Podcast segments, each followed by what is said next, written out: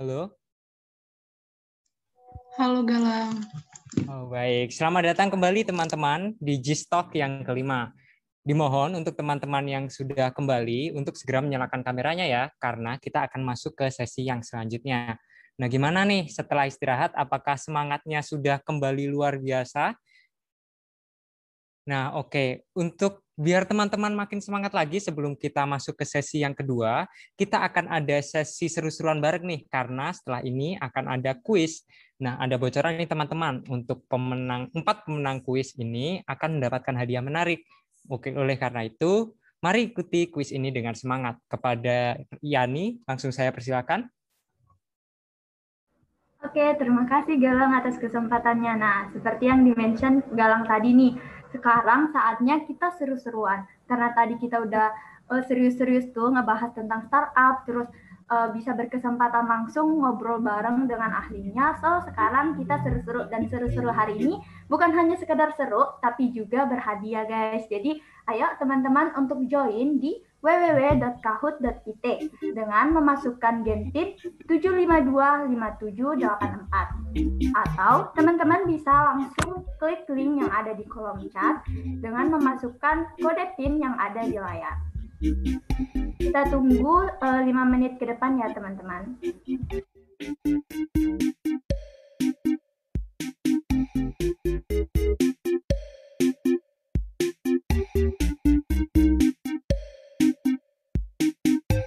Thank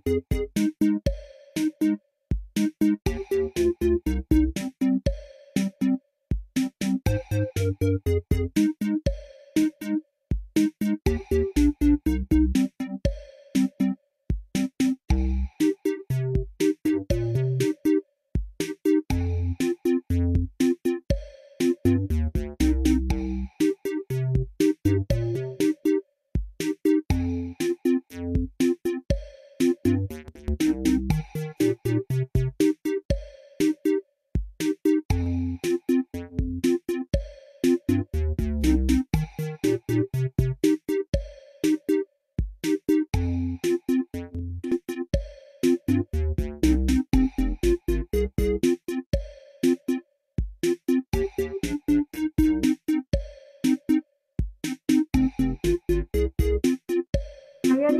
Teman-teman yang belum join yuk segera join. Hadiahnya menarik banget loh. Nah jadi aku sedikit kasih bocoran nih. Jadi pemenangnya nanti tuh ada empat orang. Nah lumayan banget kan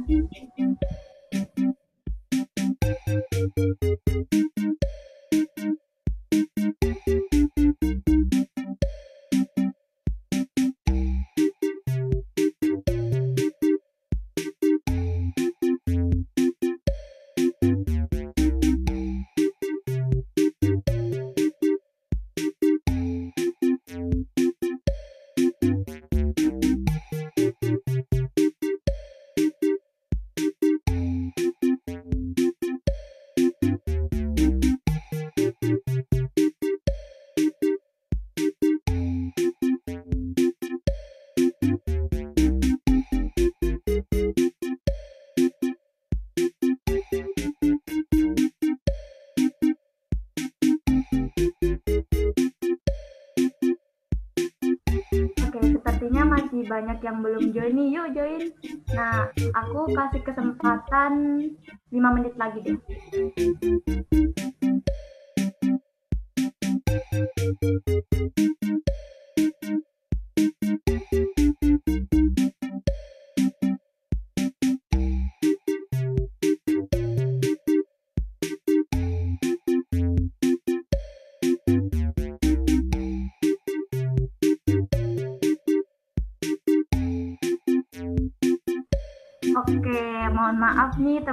Kayaknya uh, kita langsung mulai aja yuk. Kayaknya udah pada nggak sabar nih untuk ngikutin kuisnya. Start kak.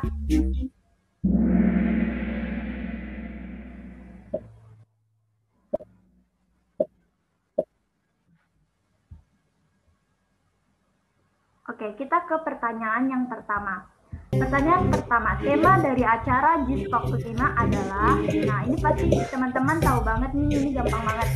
Aku kasih dulunya ya, coba teman-teman lihat uh, virtual background kalian. Ada tuh tulisannya.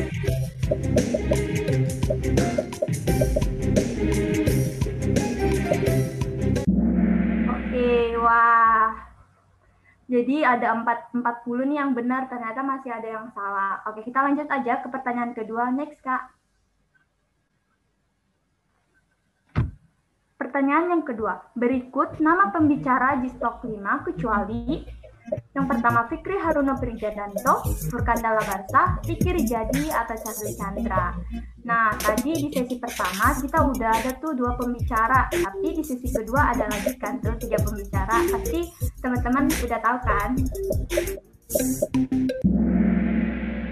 Oke, jawabannya Fikri Haruna ya. Jadi dia bukan pembicara kita di hari ini. Next.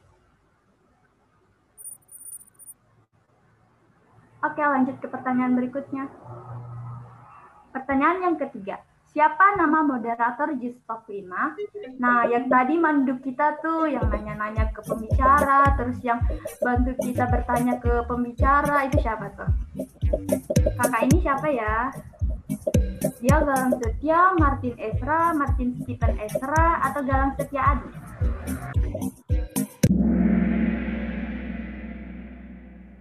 Oke, jawabannya Martin Stephen Esra ya. Oke, lanjut Kak. Next. Pertanyaan yang keempat. Berapa jumlah daun di logo PPM? Nah, untuk teman-teman nih yang mungkin bukan anak PPM tapi nggak tahu. Nah, aku kasih clue ya. Clue-nya ada di virtual background kalian juga tuh. Di situ ada logo PPM. Nah, coba hitung deh. Logonya ada berapa? Ada dua, empat, tiga, atau lima?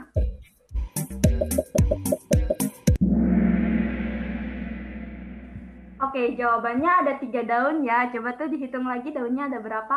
Next. Next, Kak.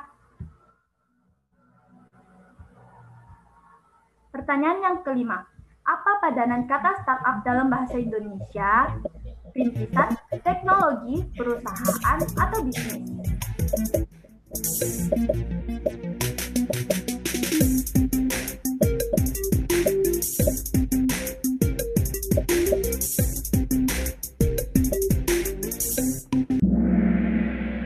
jadi jawabannya rintisan ya. Startup itu uh, nama lainnya rintisan dalam bahasa Indonesia. Next. Next, Kak. Pertanyaan yang keenam. Dalam startup dikenal beberapa istilah seperti di bawah ini. Nah, ini tadi udah dimention nih sama Pak Riki Rijadi sama Mas Mas Fikri. Ada hacker, hustler, hyper, atau hipster.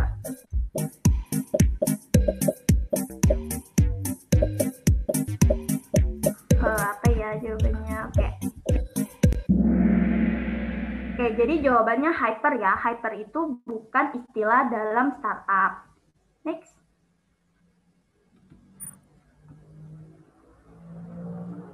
Oke, jadi di urutan pertama, wah ada Bambang, keren banget nih Bambang. Oke, pertanyaan yang ketujuh. Di bawah ini merupakan startup kecuali, nah Sahamify.x, Scooter, atau Triggles.id. Tadi udah beberapa kali nih MC kita mention beberapa startup-startup dari pembicara kita. Pasti teman-teman yang merhatiin pasti tahu. Nah, jawabannya Triggles.id ya. Jadi yang ketiga itu merupakan startup milik pembicara kita yang tadi. Next. Wah, di urutan pertama masih Bambang, keren banget. Next, Kak. Pertanyaan yang kedelapan. Nah, ini kesempatannya untuk teman-teman ngejar poin. Pembicara kegiatan di stok 5 ada empat. Benar atau salah? Jadi coba dilihat lagi posternya itu ada berapa pembicara ya.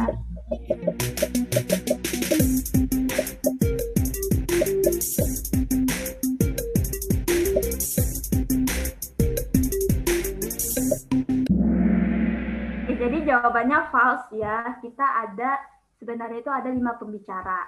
Next. Wah, ternyata uh, yang naik Hisham Rafif nih. Wah, keren banget. Next, Kak.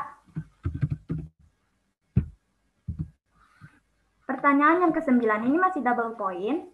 Jadi pertanyaannya itu, Indonesia berada di urutan kelima dengan startup terbanyak di dunia.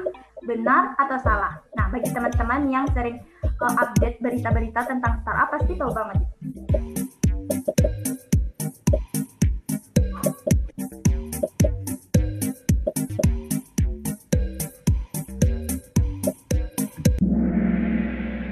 Oke, jadi jawabannya benar ya teman-teman. Jadi, menurut data ranking.com, Indonesia berada di posisi kelima dengan jumlah startup terbanyak di dunia, yaitu sebesar 2.229 startup. Next, Kak. Oke, kita lanjut ke pertanyaan terakhir. Pertanyaan yang ke-10.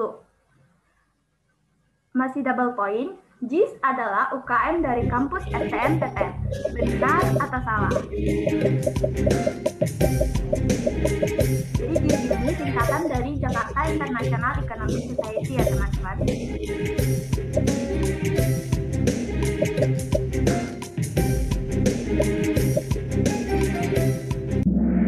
Nah, jawabannya benar banget nih. Nah, yang buat acara hari ini itu yang merupakan UKM dari kampus STMPTN, yaitu JIS. Next, Kak. Coba kita lihat nih pemenangnya ada siapa.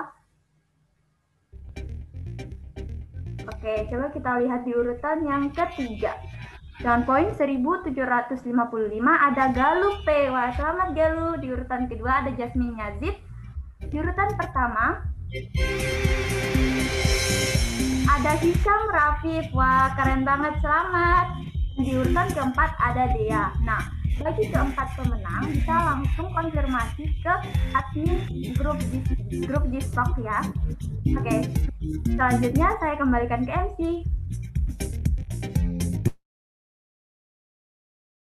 Baik, terima kasih Yani sudah memandu sesi kuis kita kali ini dan juga selamat kepada teman-teman yang telah memenangkan kuis pada hari ini dan jangan lupa untuk menghubungi admin dari grup WhatsApp peserta G-Stock yang kelima untuk mengonfirmasi hadiahnya.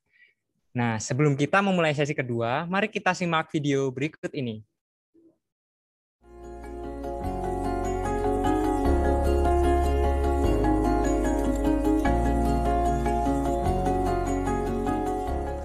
Halo, apa kabar Bapak dan Ibu pendidik semuanya? Bertemu kembali dengan saya, Edwin, di kelas interaktif.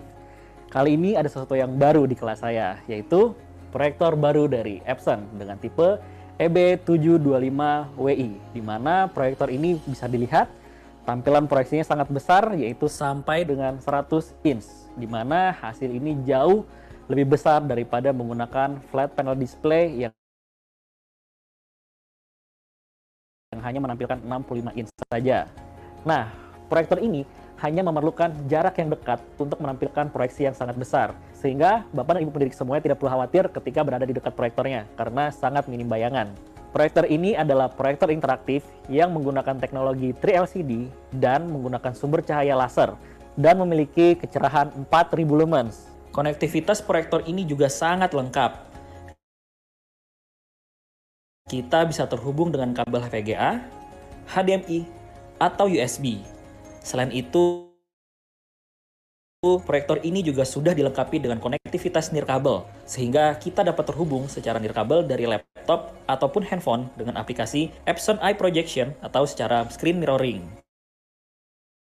Kemudian di sini juga saya dibantu sekali oleh software dari Epson yaitu Easy Interactive Tools yang bisa diunduh secara gratis di websitenya Epson. Nah, dengan menggunakan Easy Interactive Tools ini, apa yang sedang saya tampilkan di layar presentasi saya juga terlihat oleh murid-murid saya. Jadi apabila saya memberikan coretan pada interaktif projector ini, murid-murid saya juga langsung melihat apa yang sedang saya lakukan. Hal ini sangat membantu sekali oleh Bapak dan Ibu pendidik semuanya ketika memberikan materi pembelajaran yang dianggap sulit. Agar murid-murid juga bisa lebih paham dengan apa yang sedang kita jelaskan. Contohnya seperti ini ya. Oke, Anak-anak semua, sekarang kita akan mulai masuk satu mata pelajaran baru, yaitu tentang warna dasar. Dengan memanfaatkan fitur interaktif pada proyektor, kita bisa memberikan coretan untuk mempertegas materi yang kita ajarkan kepada murid. Secara bersamaan, murid pun mampu melihat apa yang sedang kita coret pada layar laptop ataupun handphone mereka masing-masing. Nah, Bapak dan Ibu pendidik semuanya, kita tadi sudah melihat bagaimana serunya kelas ini. Murid-murid bisa langsung paham apa yang sedang saya jelaskan karena langsung terlihat pada layar laptopnya mereka semua. Ini karena menggunakan Easy Interactive Tools. Bapak dan Ibu pendidik semuanya, sekarang saya saya akan memanfaatkan salah satu fitur interaktif dari website yang bisa kita cari di mana saja. dengan menghubungkan solusi pembelajaran yang kita butuhkan. Contohnya kan seperti ini ya.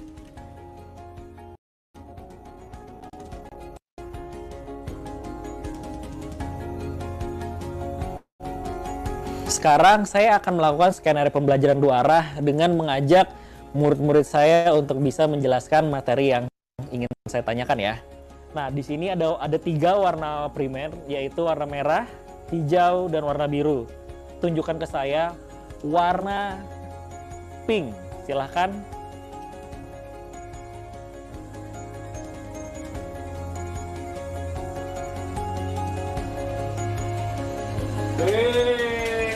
ada hal yang lebih menarik lagi, yaitu saya bisa langsung mencetak ataupun mengirim email melalui interaktif projector ini.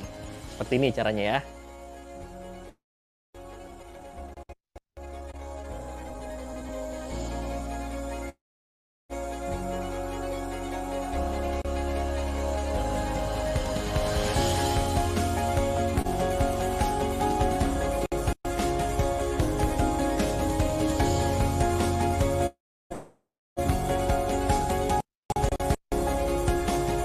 Bagaimana Bapak dan Ibu pendidik semuanya?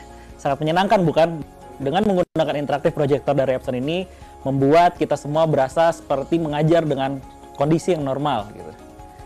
Bapak dan Ibu pendidik semuanya, begitulah bagaimana saya mengajar dengan menggunakan skenario pembelajaran dua arah ini dan dibantu sekali oleh interaktif proyektor dari Epson. Saya percaya dengan interaktif proyektor ini dapat membantu kita sebagai tenaga pendidik dalam membuat skenario pembelajaran dua arah yang menarik untuk murid-murid kita semuanya. Baik Bapak dan Ibu pendidik semuanya, sampai bertemu lagi di kelas interaktif saya berikutnya. Bye!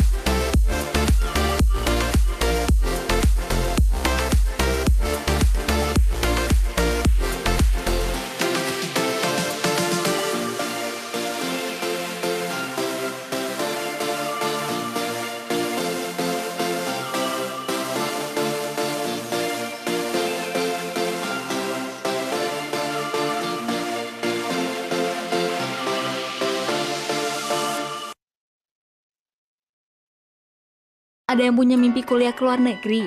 Kini ada Scotters yang wow. bisa bantu loh. Scotters adalah edutech startup yang membantu siapa pun untuk bisa kuliah ke luar negeri. Scotters memberikan berbagai macam pilihan bimbingan untuk persiapan studi ke luar negeri, mulai dari konsultasi studi online, bimbingan dan persiapan tes bahasa asing, persiapan ujian, penerjemahan dokumen pendaftaran studi, dan masih banyak layanan lain yang tersedia. Scooters telah membantu banyak siswa dengan lebih dari 24 negara tujuan, mulai dari Singapura, Jepang, Jerman, Korea Selatan, Australia, New Zealand, Belanda, dan lainnya. Dan berikut ini merupakan alumni dari Scotters.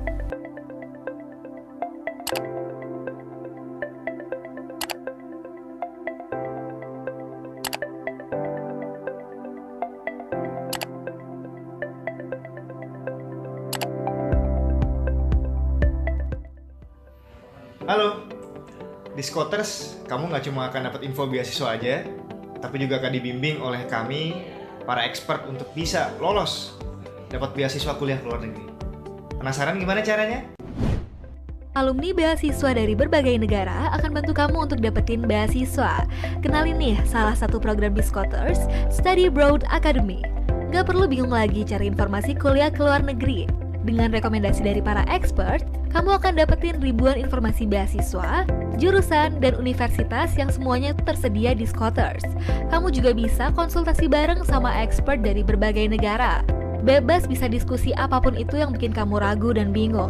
Expert Scotters akan bantu kamu setiap saat. Masih khawatir sama dokumen beasiswa?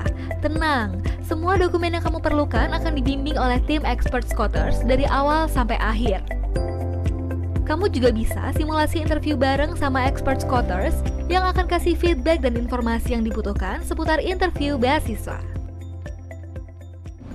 We will help everything you need to study abroad with scholarship. So join us now. Baik, jadi sekali lagi mengingatkan kepada teman-teman yang ingin melihat-lihat lagi produk Tupperware atau ingin mendapatkan harga spesial, teman-teman bisa langsung cek info lebih lanjut pada tautan yang akan dikirimkan melalui kolom chat. Dan juga buat teman-teman nih yang mau melanjutkan studi ke luar negeri, misalnya untuk studi S2, namun masih bingung gimana persiapannya, tenang aja karena teman-teman akan dibantu oleh Scotters yang akan membantu mempersiapkan persiapan dan juga persyaratan yang teman-teman butuhkan. Yuk langsung saja untuk gabung di Telegram Scotters untuk update info-info menarik seputar kuliah di luar negeri. Untuk mengakses lebih lanjut, teman-teman bisa klik link yang akan dibagikan melalui kolom chat. Sekali lagi, kami ucapkan terima kasih kepada Epson, triggersfood.id, Cicil, dan juga Tupperware, serta Pahamify, Scotters, Moayen, ahli.id, dan juga .x yang telah mendukung acara ini. Nah, selanjutnya kita akan masuk ke sesi kedua yang telah kita tunggu-tunggu, yaitu talk show dengan tema Get Idea Validation from Your Customer. Nah, mulai dari sini, acara akan kembali saya serahkan kepada moderator favorit kita, yaitu Kak Martin. Silakan Kak Martin, the stage is yours.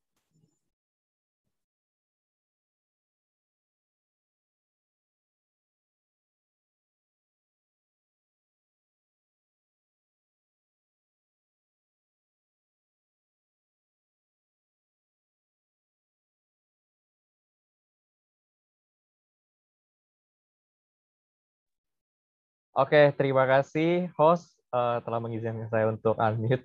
Tadi ada kendala. Oke, terima kasih juga Galang sudah mengembalikan, bukan sudah mengembalikan ya, sudah meminjamkan kembali stage-nya kepada saya.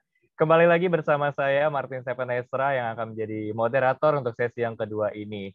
Oke, untuk sesi yang kedua ini kali ini akan ada tiga orang pembicara yang pastinya udah siap banget nih untuk membahas topik Get Idea Validation from Your Customer. Tapi sebelum itu, seperti biasa, izinkan saya untuk membaca CV dari para pembicara kita untuk kita lebih mengenal para pembicara kita. Operator, dipersilakan untuk share screen.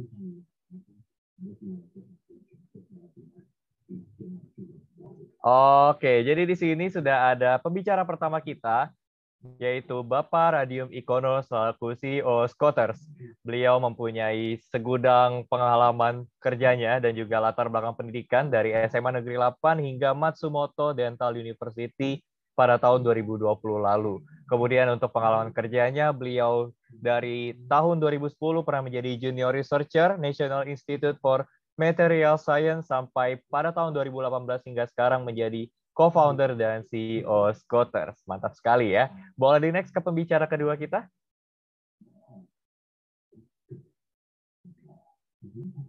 Oke, pembicara kedua kita adalah Bapak Furkandala Berza selaku founder dan CEO ahli.id. Beliau merupakan brand communication digital strategist, market research qualitative and quantitative method, big data analysis. Kemudian juga business strategies with six plus years experience on related field, dan juga beliau mempunyai experience dari market research at PT Lotte Shopping Indonesia pada tahun 2015 hingga sampai saat ini beliau menjadi founder dan CEO ahli.id baru saja pada bulan Maret 2021 hingga sekarang. Beliau juga berlatar belakang pendidikan dari Universitas Brawijaya sampai mendapat gelar MBA atau Master of Business Administration di Universitas Prasetya Mulia dan KAIST College of Business untuk exchange program. Boleh di next ke pembicara ketiga kita. Oke, pembicara ketiga kita adalah Bapak Charlie Chandra, yaitu CEO.x. Beliau mempunyai keahlian yang ter, tercantum pada pada CV yang ter, tertampil pada layar teman-teman semua. Kemudian juga latar belakang pendidikannya dari uh, S, SCE CGS Redlands, kemudian University of New England untuk Financial Administration BFA pada tahun 95 sampai 98 dan Founder Institute pada tahun 2020 dan untuk work experience-nya beliau merupakan programmer software holdings pada tahun 97 sampai 99 dan sampai tahun 2019 hingga sekarang beliau menjadi CEO.x. Oke, terima kasih operator sudah share screen dan teman-teman, aku walaupun walaupun belum baru saja istirahat, mungkin baru pada makan juga nggak apa-apa. Tapi saya yakin teman-teman di sini masih pada semangat semua. Iya nggak nih? Oke, sebelum aku panggil pembicara kita, aku mau tes dulu apakah kalian benar-benar semangat atau tidak. Kalau aku bilang, are you ready? Langsung semuanya unmute. Saya nggak memperdulikan itu ngelek atau nggak kompak atau apa pun kendala kalian, saya mau semuanya di sini unmute. Langsung jawab pertanyaan saya, ready. Oke? Okay? Pada siap semuanya ya? Oke, okay. para hadirin G-Talk 5, are you ready for the second talk show? Ready. Ready. Ready. Ready, ready, ready, ready. Oke, mantap. Energinya sudah berasa. So guys, langsung saja please welcome ketiga pembicara kita. Bapak Radium CEO Scooters, Bapak Furkanda CEO ahli.id, dan Bapak Charlie CEO.x. Selamat sore menjelang malam. Bapak-bapak semua. Selamat sore, semuanya. Selamat sore. Oke, di ada Bapak Charlie sudah terlihat, sudah di spotlight di sini. Oke, ada Bapak Furkanda juga. Tinggal Bapak Radium nih. Ah, Oke, Bapak Radi Mikoro sudah bersama dengan kita. Oke, sebelumnya apakah saya salah memanggil nama Bapak-Bapak semua? Kalau salah boleh dikoreksi ya, Pak? Sudah benar, sudah benar. Nggak ada salah. Mana? Oke, sudah benar ya untuk Bapak Charlie. Oke. Oke, terima kasih Pak. Seperti yang telah saya sebutkan tadi, untuk sesi kedua ini kita akan membahas topik Get Idea Validation from Your Customer. Dan dari dari ekspresi ketiga pembicara kita nampaknya sudah siap banget nih untuk menghajar topik kita pada hari ini. Oke, saya mau langsung aja deh ke Bapak Bapak Ikono ya panggilannya ya Pak ya, atau Bapak Radium enaknya Pak? Ikono bisa. Oke, ada Bapak Ikono di sini. Saya mau bertanya ke Pak Ikono dulu nih. Apa kabar dulu nih Pak sebelumnya? Kabar Sehat ya Pak? Sehat, sehat. Oke, alhamdulillah, puji Tuhan. Dan menurut Bapak, saya langsung aja masuk ke topiknya. Menurut Bapak, apa sih arti validasi dalam sebuah startup nih, Pak? Dan apa fungsinya dalam startup? Ya, um, Boleh dijelaskan, Pak? salam kenal dulu semuanya ya. Makasih udah ngundang dari PPM ya. Ini mohon, mohon maaf nih saya ini beda sendiri nggak pakai apa namanya background karena laptop saya nggak bisa nggak tahu kenapa. Isu teknis. Oke, ngejawab Oke, tadi. Pak. Tidak apa-apa, Pak. Ah, validasi itu kan sebenarnya gini ya. Eh, bisnis itu kan kita mulai dengan sebuah ide. Ide itu mau sehebat apa pun, biarpun itu keluar dari Bill Gates ataupun Elon Musk, itu ya semua tetap namanya asumsi gitu. Wah, kayaknya kita bisa nih membuat bisnis untuk nerbangin orang ke Neptunus gitu ya. Pasti moncer, pasti orang akan uh, suka, akan jadi bisnis triliunan ya. Walaupun Elon Musk ngomong kayak gitu, itu semua asumsi gitu. Jadi makanya um, semua tuh asumsi until kita bisa validate gitu ya, until validated ya. Nah, makanya menurut saya penting banget ya banyak bisnis yang akhirnya jadi tidak efisien, uang waktunya terbuang percuma sekian tahun, uang habis sampai miliaran karena asumsinya belum divalidasi tapi dia udah nginvest gede gitu ya, miliaran segala macam. Nah, itu kan sayang. Kecuali kalau teman-teman udah kaya raya, punya tanah banyak segala macam tinggal jual ya nggak apa-apa sih gitu ya. Nggak usah repot-repot memvalidasi asumsi, uangnya dibuang-buang aja gitu kan. Tapi kalau kita kalau ya kayak saya apa yang uangnya sedikit gini ya daripada kita lakukan langsung jauh asumsinya segala macam divalidasi dulu di awal dengan uh, skala kecil gitu ya. Ngobrol sama beberapa customer pertama, bikin kalau anak-anak startup tuh ada yang nyebut MVP, minimum viable product lah misalnya segala macam. Sebelum akhirnya kita memutuskan memang itu yang mau kita jalankan, sebelum kita yakin bahwa memang bisnis ini bakal benar-benar bagus gitu. Itu kali ya sebagai pengantar ini kalau dari saya ya. Oke, Pak Ikono. Terima kasih untuk jawabannya. Nah, kalau menurut Bapak Furkanda nih, Pak. Halo, Pak. Sehat halo, ya, Pak? Halo, halo semua. Apa kabar? Ini? Halo semua. Apa kabar? Uh, kedengaran suara saya? Saya juga sehat. Apa cukup jelas Terdengar, suara saya? Pak. Terdengar. Oh, uh, sama ini mohon maaf panitia kok jadi saya Cukup jelas, Pak. admit ini ya? peserta masuk ya. Ini bisa diganti dulu nggak kalau ini? Peserta masuk admitnya Oh, melalui Oke, mungkin boleh. ya panitia. Oh iya. Oke, Iya. pembicara kita eh, nampaknya jadi co-host ya pada Zoom meeting ini Iya. ya. Panitia mungkin boleh dibantu Boleh dibantu dulu. Hmm. agar tidak agar tidak spam dari peserta yang masuk mungkin panitia boleh dibantu ya. Oke, sambil menunggu Oke. panitia nih Pak, mungkin Boleh, Pak. Furkanda boleh menjelaskan dulu nih Pak. Pertanyaannya masih sama, apa arti validasi dan fungsinya di dalam startup? Bagaimana Pak? Ya. Validasi itu em, semua semua dari kita kita hidup kita bangun bisnis semua itu berawal dari riset kita selalu punya riset kita mau sekolah kita mau uh, menjalani aktivitas baru kita riset dulu apa sih yang mau kita lakukan nah ketika kita melakukan sesuatu itu kita pasti punya asumsi kita punya hipotesa. Nah hipotesa itu yang harus kita validasi. Itu juga dengan bisnis. Uh, kita punya hipotesa kita validasi. Bedanya dengan bisnis kita harus uh, tanya nih, misalkan ke konsumen kita, uh, gimana nih uh, produk kita, asumsi kita benar nggak sih? Ke problem kalian ke solve nggak sih dengan solusi ini? Gitu. Jadi uh, validasi adalah membuktikan hipotesa kita benar atau enggak gitu.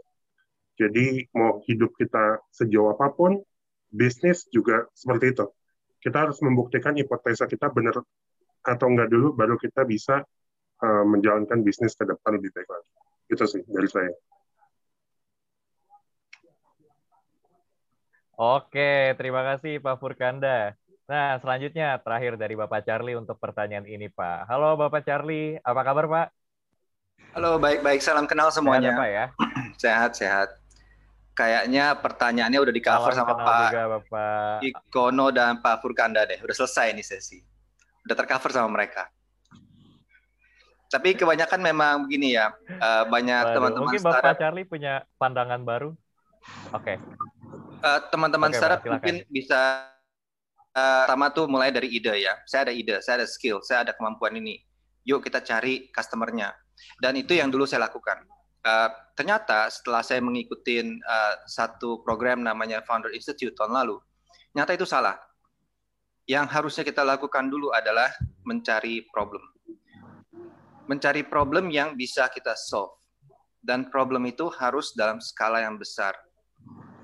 Nah, kadang-kadang kita bisa melihat problem ini di kehidupan sehari-hari, di tempat kerja kita, di sekolahan.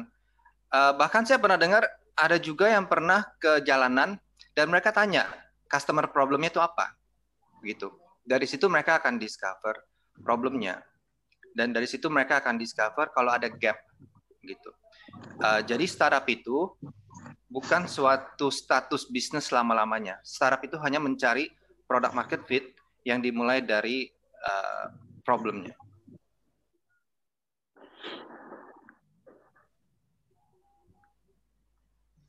Oke. Mulai dari problem ya Pak ya. Oke. Terima kasih Bapak Charlie untuk jawabannya. Nah, uh, saya masih di Bapak Charlie ya.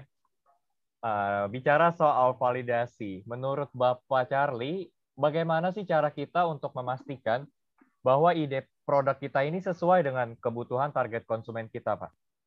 Okay. Boleh dijelaskan, Pak? Silakan. Ya, boleh. Jadi setelah kita menemukan, menemukan suatu problem, kita itu harus mencari uh, namanya customer archetype customer archetype itu adalah siapa sih customer kita, uh, umurnya berapa, tinggalnya di mana, uh, laki atau perempuan, kerja apa enggak. Jadi kita harus sangat spesifik customer kita itu siapa. Gitu. Setelah kita mendapatkan customer archetype, kita bisa masuk ke proses validasi. Kita validasi, ya kita bisa nanya ke mereka, kita bisa survei, kita bisa uh, satu survei khususnya fokus ke satu problem aja. Kebanyakan tuh startup ada mau mencoba untuk solve banyak problem. Wah, tapi ada problem ini, ada problem itu dan lain-lain. Tapi uh, the key is mulai dengan satu satu problem, satu problem yang paling besar. Lalu setelah itu kita bisa um, menemukan customer archetype-nya, kita bisa juga menemukan satu namanya revenue model. Revenue model itu berarti Oke, okay, saya punya customer adalah uh, young male umur 20 sampai 25 contohnya. Lalu bagaimana kita bisa charge ke mereka? Make money dari mana gitu? Misalnya per bulan uh, we charge uh, monthly fee, subscription. Terus dari situ kita bikin customer list. Kira-kira target customer kita siapa sih? Kita bikin datanya dari situ. Lalu kita bisa survei ke mereka. Kita bisa survei saat ini uh, bagaimana kamu provide this the pro, a solution to this problem um, dan kira-kira kalau kalau biayanya segini mau nggak gitu jadi bisa mulai dari situ juga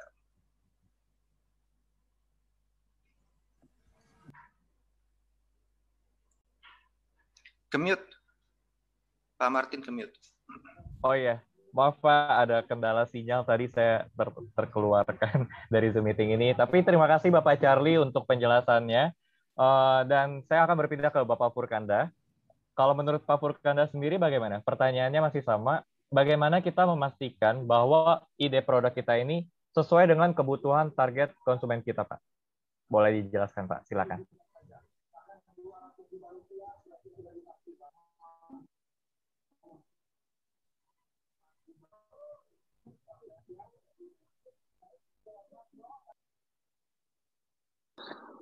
Oke, okay. Ya, baru apa sudah terdengar suaranya?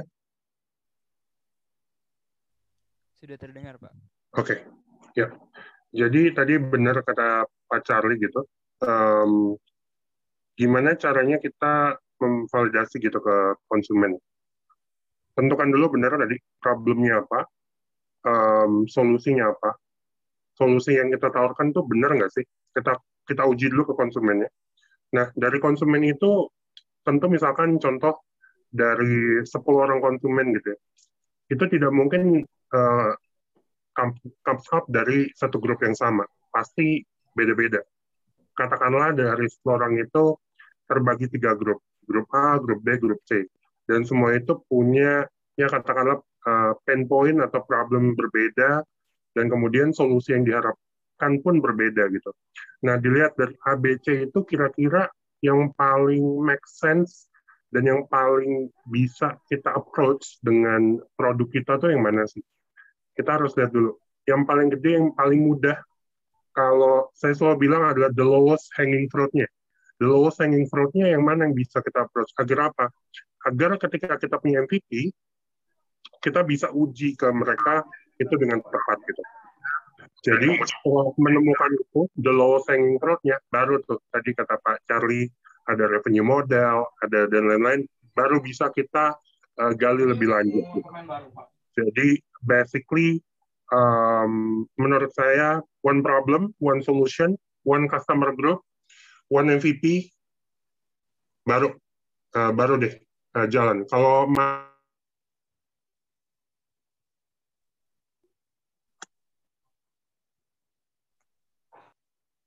Halo. Maaf Pak. Oke. sudah terhubung tadi? lagi. Iya. Oke, tadi sampai mana ya? tadi sampai mana ya? Mungkin. Tadi saya agak putus-putus Pak, mohon maaf. Oke, Kendala sinyal Oke. lagi nih Pak, maaf ya ya nggak apa-apa, nggak apa-apa, nggak apa-apa. Oke, jadi saya ulang sedikit ya.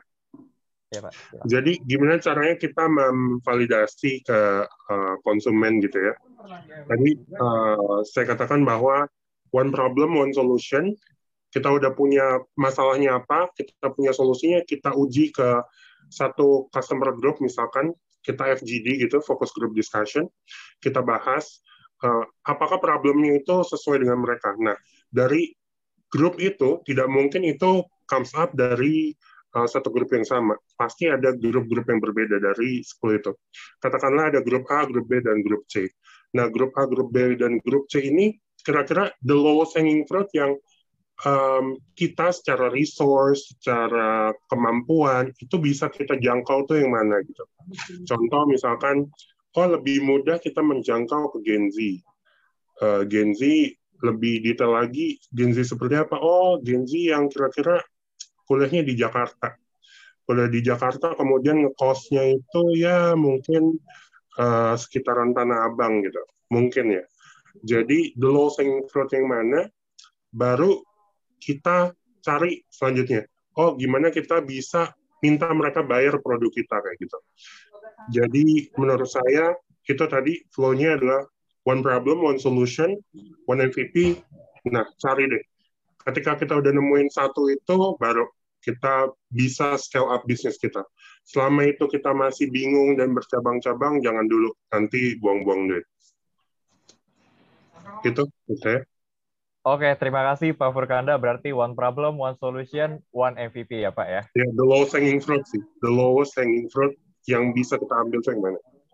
Oke, terima kasih Pak Furkanda untuk jawabannya. Selanjutnya saya berpindah lagi ke Paradium. Paradium, kalau tadi kita bicara tentang memastikan ide produk sesuai dengan kebutuhan target konsumen. Nah, sekarang kita mau bicara tentang waste dalam perancangan produk. Waste itu mungkin kalau diartikan secara langsung ke bahasa Indonesia, di, di, diartikan mungkin limbah atau bahan buangan mungkin ya Pak ya. Nah, kalau menurut Paradium ini, mengapa bisa terjadi atau munculnya waste dalam perancangan produk? Apa yang salah dari perancangan produknya itu, Pak? Silakan, Pak. Ntar, saya saya nggak mudeng tahu-tahu dari validasi ke waste ya. Maksudnya kayak gimana tuh contohnya tuh? Oke, mungkin dari dalam perancangan produknya ada something yang yang gagal gitu, Pak, sehingga akhirnya muncullah waste itu, Iya. Pak. Kalau saya tadi tadi udah ini menarik dari Bang Charlie ya, tadi Bang Furkanda juga um, apa namanya metodologinya sama lah ya, kita pada dasarnya mirip-mirip. Uh, apa namanya? Um, memang tadi sarannya udah pas banget semuanya gitu ya. Uh, tapi emang yang paling penting setelah itu dicobain dengan cepat gitu ya. Apa namanya? Saya sering banget menemukan teman-teman yang ketika dia punya ide bisnis, ngegarapnya bikin bikin websitenya enam bulan sendiri gitu ya. Berat enam bulan begitu diluncurin di bulan ketujuh ternyata nggak ada yang mau beli itu barang gitu. Habislah enam bulan dia sia-sia. Ada yang lebih gila lagi sih setahun lebih kayak gitu-gitu ya. Wah dia pikir ngedevelop apa yang dia pikir udah sempurna segala macam gitu kan. Jadi kalau kalau pengalaman saya dan ini yang lihat teman-teman lain yang berbisnis yang cukup sukses eh, pendek-pendek aja cycle-nya ya per tadi per satu produk tadi ya kalau kata Bang Furkanda tadi MVP kecil lempar ternyata gagal ya mungkin tadi istilah teman-teman saya nggak paham tuh ya jadi waste tadi jadi gagal uh, justru nikmati aja oh ternyata cara yang ini fail nggak cocok customer segmennya nggak masuk. Uh, ternyata uh, jasa ini ternyata tidak dibutuhkan sama orang misalnya. Oh berarti kita coba tweak lagi geser lagi ke yang lain. Jadi nikmati aja ketika kita punya MVP dilempar gagal kalau saya malah happy gitu kayak wah ternyata nggak cocok nih barang ini gak, bar, bukan barang yang oke cara ini bukan cara yang oke. Jadi waste.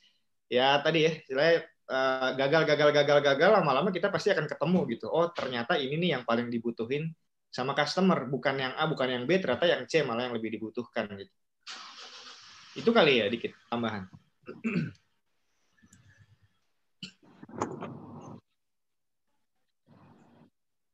Hilang nih moderatornya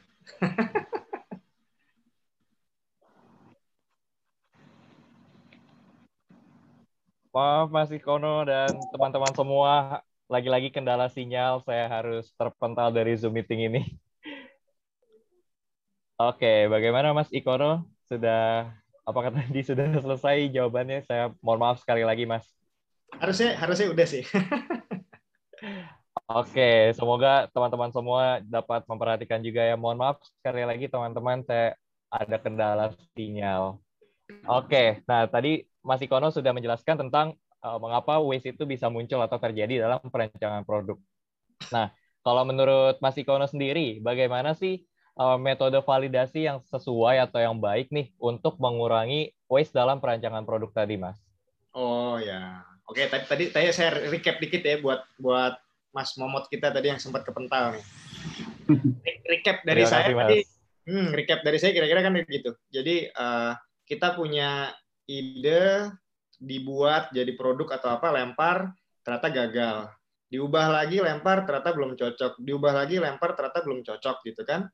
Uh, ya tapi menurut saya kita trial juga ada batasnya gitu ya ada banyak yang kayak kita nggak apa-apa kita gagal kita gagal kita gagal tapi kok ini udah setahun jalan kita gagal mulu ya gitu nggak ketemu formulanya yang cocok gitu bisa jadi evaluasi kita nggak bagus jadi kenapa ya ini gagal ya gitu? Oh ternyata uh, ininya nih ternyata bukan produknya yang bermasalah tapi customer segmennya nggak cocok. Ini ternyata nggak cocok ditawarin ke orang umur 35 lebih cocok ditawarin ke orang umur 15 kayak gitu. Nah kalau kita nggak tajam sebagai seorang founder CEO um, bisa jadi salah dalam mengambil kesimpulan gitu. Ya kan? Akhirnya gagal lagi gagal lagi gagal lagi gagal lagi ternyata udah setahun dua tahun nyoba terus gara-gara kemakan motivator gitu kayak nggak apa-apa it's okay to fail kan? Gagal aja tapi ini gagal melulu gitu nggak ada berhasilnya. Itu nggak benar juga. Artinya kontemplasinya nggak benar uh, datanya nggak akurat uh, mungkin uh, mungkin maaf ya founder kan perlu smart ya sorry banget ya saya harus mengatakan bisnis is not for everyone juga gitu ya. Uh, kalau kita pengen bisnis apalagi ke arah digital apa segala macam tuh pasti harus data driven, uh, teknologi segala macam. Kalau kita sebagai founder nggak smart enough ketika ngelempar MVP, terus ada respon dari customer, terus kita nggak nangkep kayak kenapa gini ya? Aduh, gue nggak ngerti, gue nggak mudeng nih data ada banyak banget nih Excel panjang, berhalaman-halaman, bersheet panjang kayak gitu, tapi kita nggak ngerti data itu mau diapain ya kita nggak bisa jadi founder yang baik sih gitu. Dari situ kita harus bisa ngambil kesimpulan, oh berarti ini yang benar gitu. Itu mungkin ya, Mas. Ini dari saya. Oke, terima kasih Mas Ikono untuk penjelasannya. Dan saya mau berpindah ke Pak Furkanda lagi. Oke, kali ini Ya, pertanyaannya boleh, berbeda Pak. Kalau dari Pak Furkanda, dari sudut pandang Pak Furkanda nih, mungkin jika Bapak saat ini diposisikan sebagai seorang uh, trainer pemula lah istilahnya Pak, yang ingin menawarkan produknya. Maaf, maaf. Nah, sebagai bagaimana cara Bapak melakukan valid sebagai, Sebagai entrepreneur atau pendiri startup yang masih pemula? Iya. Iya. Oke, ketika Hmm. Bapak ingin menawarkan produk Bapak, bagaimana cara Bapak menawarkan maaf, bagaimana cara Bapak melakukan validasi atas produk yang Bapak tawarkan ini, Pak? Oke. Em, itu berarti bukan role play ya, karena saya sebenarnya entrepreneur pemula juga, karena saya basicnya dari profesional. Em, tapi em, panjang panjang ceritanya gitu gimana caranya kita memvalidasi.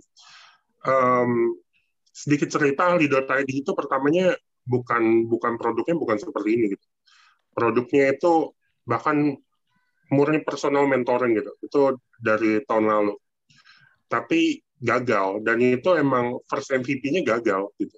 First MVP-nya gagal kenapa? Karena em, saya terlalu percaya dengan produk. Saya terlalu percaya dengan produk sampai saya lupa gimana cara scale up-nya ya. Ini gimana cara scale up-nya. Eh, kalau saya dua ya, pendapat saya selalu dua.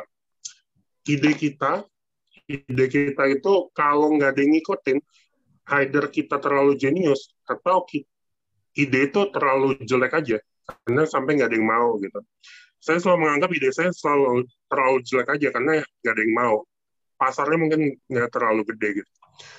Jadi saya selalu bilang eh, cara memvalidasi saya dua.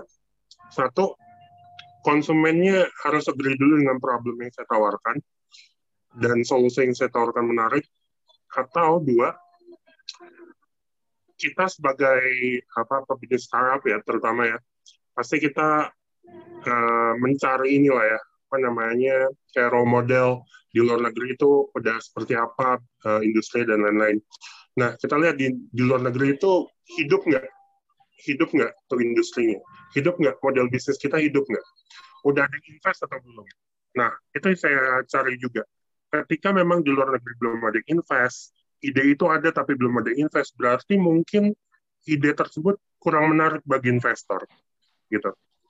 Kemungkinan juga ide tersebut nggak laku di di uh, pasaran atau mungkin terlalu niche, terlalu kecil yang mungkin um, susah untuk scale up-nya. Dan itu yang saya alami di, di MVP pertama saya gitu. Sampai saya menemukan satu MVP yang, oh di ini industri di luar negerinya tumbuh dan di Indonesia ada needs-nya, ada marketnya. Nah, makanya saya cepat-cepat buat MVP-nya dan lempar ke pasar. Dan makanya per ya bulan ini, bulan ini kita akan launching apps-nya. Itu tapi udah dua kali sampai tiga kali kegagalan MVP dalam jangka waktu 8 sampai 9 bulan lah. 8 sampai 9 bulan itu udah tiga dua kali tiga kali gagal MVP baru sampai produk yang sekarang yang akan kita launching apps-nya. Gitu. Jadi along the way to the top kalau uh, kata Mas Ikono tadi cepat-cepat bikin MVP betul. Cepat-cepat bikin MVP lempar gagal ya kita buat lagi nikmatin sampai udah benar-benar firm bentuknya baru kita uh, ibarat kata buang duit lah di situ. Gitu sih Oke, terima kasih Pak Furkanda untuk penjelasannya. Dan saya punya pertanyaan terakhir kali ini untuk Bapak Charlie ya, untuk Bapak Charlie, karena kita akan beranjak ke sesi interaktif. Untuk Bapak Charlie, uh, saya mau bertanya, eh, hal-hal apa saja sih Pak yang harus diketahui atau diperhatikan ketika kita melakukan validasi di masa awal perancangan startup Pak? Boleh dijelaskan Pak? Oke, okay.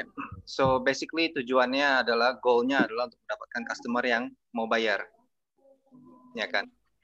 Jadi Betul, secepatnya kamu bikin MVP, MVP itu nggak harus suatu app atau suatu website yang sudah jadi. Bisa aja MVP itu sebagai presentasi, apa apa. Lalu datang ke customer kita, tadi kan kita sudah set ya. Oke, okay, customer kita umur male umur 17 sampai 20 misalnya. Datang ke customer itu, hey, uh, saya ada saya ada solusi ini yang bisa mengatasi problem Anda. Mau nggak kamu bayar segini? Dan kalau nggak, kira-kira berapa uh, yang kamu bisa bayar? Dan dari situ kita bisa tahu feedbacknya dari customer. Um, lalu kalau misalnya mereka bilang langsung minta mereka bayar, langsung minta mereka sign up, that's the goal. Gitu. Uh, kalau misalnya mereka nggak mau, banyak yang bilang nggak mau, scrap bikin baru lagi, bikin eda baru mungkin, mungkin solusi yang baru. Ternyata waktu saya ke customer, mereka nggak butuh solusi ini. Ternyata di halaman 5 saya punya presentasi, mereka butuh feature-feature ini. Ternyata mereka butuhnya pen. Lalu saya rubah MVP-nya, presentasinya. Saya datang lagi ke customer-nya. Mau nggak kamu seperti ini? Mau bayar. Kalau nggak mau, kenapa? Apa yang kamu mau? Gitu. Jadi proses itu mesti bolak-balik terus. Baik, Terima kasih Bapak Charlie untuk penjelasannya. Ini topik yang menarik ya teman-teman. Dan sekarang kita akan berlanjut ke sesi interaktif. Jadi hampir sama dengan peraturan, peraturannya hampir sama dengan sesi satu tadi. Untuk teman-teman yang ingin bertanya, boleh banget melalui kolom chat atau uh, atau melalui unmute. Yaitu kalau melalui kolom chat, silakan buka fitur chat pada Zoom, ketik nama kalian, uh, juga ditulis pertanyaannya ditujukan kepada siapa, dan juga ketikkan pertanyaan kalian. Atau jika ingin lebih interaktif, silakan klik raise hand pada menu Zoom kalian. Kemudian ketika saya panggil namanya, silakan unmute, perkenalkan diri, dan menyampaikan pertanyaannya. Oke, sesi interaktif sudah saya buka. Silakan untuk teman-teman yang ingin bertanya kepada tiga, ketiga pembicara kita nih. Oke, nampaknya belum ada yang bertanya nih ya. Kalau gitu, hmm, saya deh yang nanya lagi nih ke ketiga pembicara kita nih mumpung belum ada yang bertanya, saya ingin memanfaatkan waktu juga nih selagi bisa bertanya. Oke, saya mau bertanya, hmm, pertanyaannya dulu deh. Kalau menurut bapak-bapak nih, uh, jika setelah melakukan validasi ternyata hasilnya tidak sesuai dengan yang diharapkan, seperti yang tadi sudah dijelaskan, gagal lagi, gagal lagi, sampai benar-benar istilahnya kita udah burn out banget lah, udah lelah banget. Bagaimana cara kita untuk untuk bisa bangkit lagi gitu loh Pak dari kegagalan kegagalan kita tadi? Mungkin dari Mas Ikono dulu deh. Silakan Mas. Kalau, kalau saya bilang gini ya, bisnis itu susah. bisnis itu susah. Jadi kalau ada yang baru nyobain aja bikin kayak gitu terus kayak burn out, aduh memang aku nggak cocok kali ya jadi pengusaha, udah ya udah mundur aja sekalian, nggak usah dipaksain. Bisnis susah, nangis nanti kalau udah di scale yang ya jujur aja ya bisnis tuh menyenangkan di awal-awal pas bikin produk acquire customer dapat uang-uang sekian juta berapa puluh juta ratusan juta gitu. Begitu ordonya udah mm-an kayak gitu kan ya stressful banget. To be frank ya stressful banget. Ada pressure dari investor terus ada komplain dari customer apa segala macam terus kita ini gimana sih salahnya di mana ya segala macam kayak gitu-gitu ya. Itu sangat stressful. Jadi saya ingin bilang teman-teman kalau memang mentalnya selemah itu yang nggak usah dilanjutin. Oke. Okay. Lakukan aja beneran saya. Nggak usah dipaksain, nggak ada masalah kok jadi pegawai itu hal yang mulia juga, ya kan? Tapi kalau teman-teman dipaksa terus habis itu bisa bangkit lagi, jatuh bangun lagi, jatuh bangun lagi ya berarti memang mungkin ya ada mental lah untuk jadi entrepreneur gitu. Karena masalah yang dihadapi menurut saya down the road tuh bakal lebih gila lagi daripada di fase-fase awal. Saya bilang bisnis tuh di fase awal tuh honeymoon lah. Senang banget kita ketemu customer masih sedikit. Iya, ide kita ada yang beli segala macam. Wah, habis itu gila sih. So, persiapkan mental juga. Semua hal-hal teknikal tadi metodologi ABCD itu ya teknis aja. Faktor non teknis menjadi pengusaha tuh menurut saya jauh lebih lebih lebih berat sih. Oke, terima kasih Mas Ikono untuk jawabannya. Dan kita sudah ada beberapa pertanyaan dari kolom chat dan dari YouTube juga karena kita lagi live di YouTube. Ya, aku mau bacain dari yang dari YouTube dulu nih. Uh, dari Tika, izin bertanya Bapak, bila kita mempunyai suatu ide dan merealisasikannya di lapangan langsung, bagaimana kita membicarakannya kepada orang-orang atau calon pelanggan kita agar mereka tertarik? Nah, mungkin dari Bapak Cari terlebih dahulu boleh menjawab pertanyaannya Pak. Ya, baik. Jadi uh, pertama problemnya dulu. Kalau misalnya memang problemnya is big enough, mereka bakal tertarik, gitu. Uh, jadi banyak, seperti yang saya bilang, banyak orang yang mulai dengan solusi, jangan mulai dengan solusi, mulai dengan problem. Uh, dan pasti ada orang yang mau beli. Biarpun MVP kamu jelek, kalau memang itu solve the problem, ya pasti ada yang mau beli.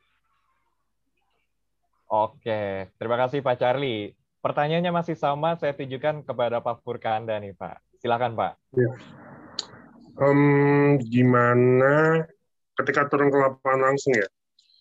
Jadi yeah. uh, tadi mungkin satu saya nambah dari pacarnya aja ya. Berarti kalau emang ada masalahnya itu pasti um, sangat tertarik. Nah, pernah ada satu film gitu, uh, dia jual kaca biar laku gimana pecahin kacanya gitu ya.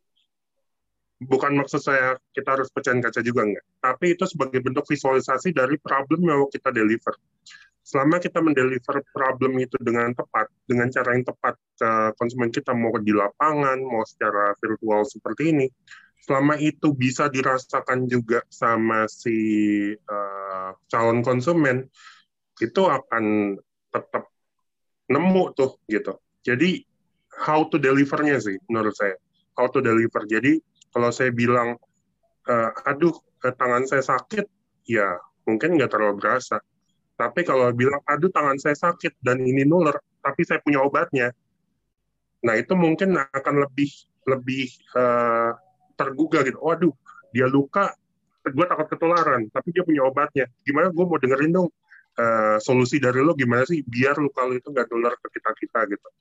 Jadi menurut saya how to delivernya juga penting selain big problem tadi. Oke, terima kasih Pak Furkanda untuk jawabannya. Terakhir dari Mas Ikono, pertanyaannya masih sama Mas. Ah, cukup deh, nggak ada tambahan dari saya. Oh, cukup ya. Oke, terima Iya. kasih Mas Ikono, Pak Furkanda dan juga Pak Charlie. Selanjutnya ada pertanyaan dari kolom chat. Ini dari Dimas Padmadinata. Izin bertanya, Pak. Yang saya pahami perihal validation adalah menawarkan produk kepada konsumen dan konsumen akan membelinya. Yang saya tanyakan, apakah validation tersebut ketika profit yang diterima besar tetapi sekali beli atau profit kecil tapi konsumen bisa beli dan beli lagi? Apakah dapat dipahami, Bapak-bapak, pertanyaannya? Oke, boleh dari Mas Ikono terlebih dahulu. Ya, eh, memang gini ya, apa namanya? eh, validation tuh bisa menjebak ya. Kalau kita salah membaca data. Jadi kayak misalnya, wih gokil, apa yang saya tawarin ini ternyata orang beli. Wah, kita udah happy sumringah gitu kan. Eh, profitnya gede lagi. Ini orang willing untuk bayar 10 juta gitu. Padahal production cost saya cuma satu juta. Wah, ini berarti this will be apa ya menjadi something big ya kayaknya gitu udah kepedean gitu kan ternyata ya ternyata itu skewed gitu ya apa outlier aja ya, ada manusia aneh tiba-tiba pengen nyoba gitu ya kalau kalau kita bicara teori inovasi sedikit ya sebenarnya eh, orang yang mau early adopter itu tuh di kurva tuh tipis-tipis banget tuh. Eh, tapi ada gitu. Kalau kita kebetulan ketemu sama orang yang emang dia suka sama hal baru, dia senang kayak, eh barang lu apaan tuh? Wih, asik juga. Mau deh sini deh. Gue siap jadi orang pertama yang ngetes itu gitu misalnya ya. Itu sebenarnya bukan uh, belum nggak bisa kita jadikan sebagai kesuksesan gitu ya validasi. Jadi hati-hati aja ya. Kita harus make sure kal- kalau saya ini punya teori saya sendiri karena saya bisa B2C ya. Kalau B2C terus memang kita apa namanya masif ya produknya produk masif Uh, menurut saya kita harus melihat tren paling cepat itu tiga bulan ya kalau ada growth dalam tiga bulan itu growth yang cukup bagus gitu ya kayak month on month growth tiga bulan pertama tuh harusnya itu kayak mungkin bisa 50% month on month atau bahkan sampai 100% month on month gitu ya. Kalau terjadi tren seperti itu terus memang uh, apalagi kalau kita tipe yang lifetime-nya panjang ya artinya customer itu repeat order kayak gitu segala macam barulah kita bisa menyimpulkan bahwa apa yang kita deliver ini mungkin memang validated gitu jadi ya ya nggak bisa ngeliat dari profit dari apa nggak bisa lebih ke tadi ya uh, repeatability terus sustainability-nya ada nggak orang kedua orang ketiga orang keempat orang kelima yang beli produk ini dan seterusnya itu sih tanda-tanda produk market fit terjadi atau tidak gitu. Oke, terima kasih Mas Ikono untuk jawabannya. Selanjutnya dari Pak Furkanda nih Pak. Pertanyaannya masih sama. Silakan Pak. Oke, em, 90% udah dijawab sama Mas Ikono sih sebenarnya. Eh, benar jangan dilihat dari profit, tapi eh, dilihat dari apa namanya ya lifetime value-nya gitu. Em, sebelum sebelum saya terjun ke dunia entrepreneurship gitu, saya pernah eh, di dunia profesional dan itu menjual sebuah yang namanya liner, liner gigi. Kalau kalian tahu rata.id, um, di situ dia hanya menjual liner dan liner gigi itu customer lifetime value-nya cuma sekali seumur hidup, gitu.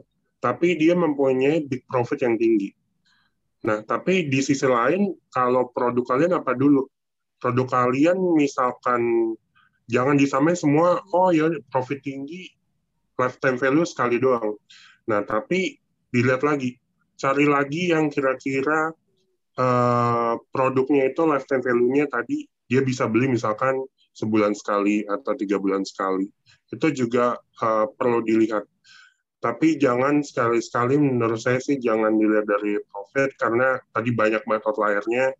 Uh, konsumen kita jangan-jangan bukan yang itu gitu dia ya cuma mau beli gitu. Kalau dibilang early adopter, istilah anak zaman sekarang FOMO lah, fear of missing out gitu kan. Takut aja dia, takut ketinggalan zaman, beli aja dengan harga mahal.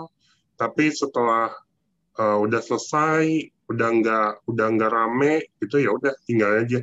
Dan kita produk kita jadi nggak ada value-nya, gitu. Itu sih yang menurut saya. Oke, terima kasih Pak Furkanda untuk jawabannya. Semoga terjawab untuk Kak Dimas ya. Saya akan berlanjut ke pertanyaan selanjutnya dari Kak Erikson. Untuk bapak-bapak, untuk bisnis kreatif digital itu seperti apa ya? Dan bagaimana cara bapak-bapak untuk menghilangkan rasa jenuh saat bersaing? Mungkin boleh dari Mas Ikono dulu ya. Oh ya, sebelumnya saya minta maaf kepada teman-teman untuk sebelum kita lanjut ke sesi interaktif, uh, bahwa saya mau mengumumkan kalau Mas Ikono tidak bisa lanjut sampai akhir ya, Mas, kalau saya benar. Iya, saya ya setengah delapan lewat dikit masih nggak apa. Oke, kalau gitu ini pertanyaan terakhir untuk Mas Ikono dulu deh sebelum kita lanjut ke sesi selanjutnya. Pertanyaannya, oh, oh tadi udah saya sampaikan. Ya. Uh, Boleh dijawab mungkin Mas Ikono. Oke, uh, digital kreatif tuh saya nggak tahu kreatif tuh luas banget, tapi digital ya ya tech startup lah ya. Saya saya digital nih kayak abang-abang kita ini juga digital pada dasarnya. Uh, kayak gimana? Susah banget ya pertanyaannya kayak gimana ya? Ya seru. Karena lagi hype ya gitu. Hype-nya tuh memang apa kita patut bersyukur karena memang adopsi customer Indonesia terhadap digital gila banget sih. Jadi kalau saya berpikir uh, ya dengan segala ini ya maksud saya teman-teman mau bisnis apa pun boleh gitu ya. Tapi di era yang sekarang digital banget kayak gini kalau teman-teman mau bisnis nggak digital kok menurut saya sayang ya gitu. Pendapat pribadi saya ya sayang banget gitu kalau teman-teman nggak masuk ke tech gitu ya. Uh, apa berbasis web app kemudian marketingnya juga bener-bener tech banget kayak gitu-gitu segala macam ya. So uh, asik asik banget asik banget serius. Uh, kita akan surprise banget bahwa customer itu dibanding lima tahun 10 tahun yang lalu level melek, mereka melek teknologi dan apa ya ya adopsinya tinggi sekali gitu ya lima tahun lalu saya bahas ide bisnis tuh masih ada pemikiran kayak aduh kita kalau bikin app uh, gimana mereka mau download app ini? Karena kan uh, apa kapasitas HP Android apa terbatas gitu ya. Itu lima tahun lalu saya masih mikirin begituan.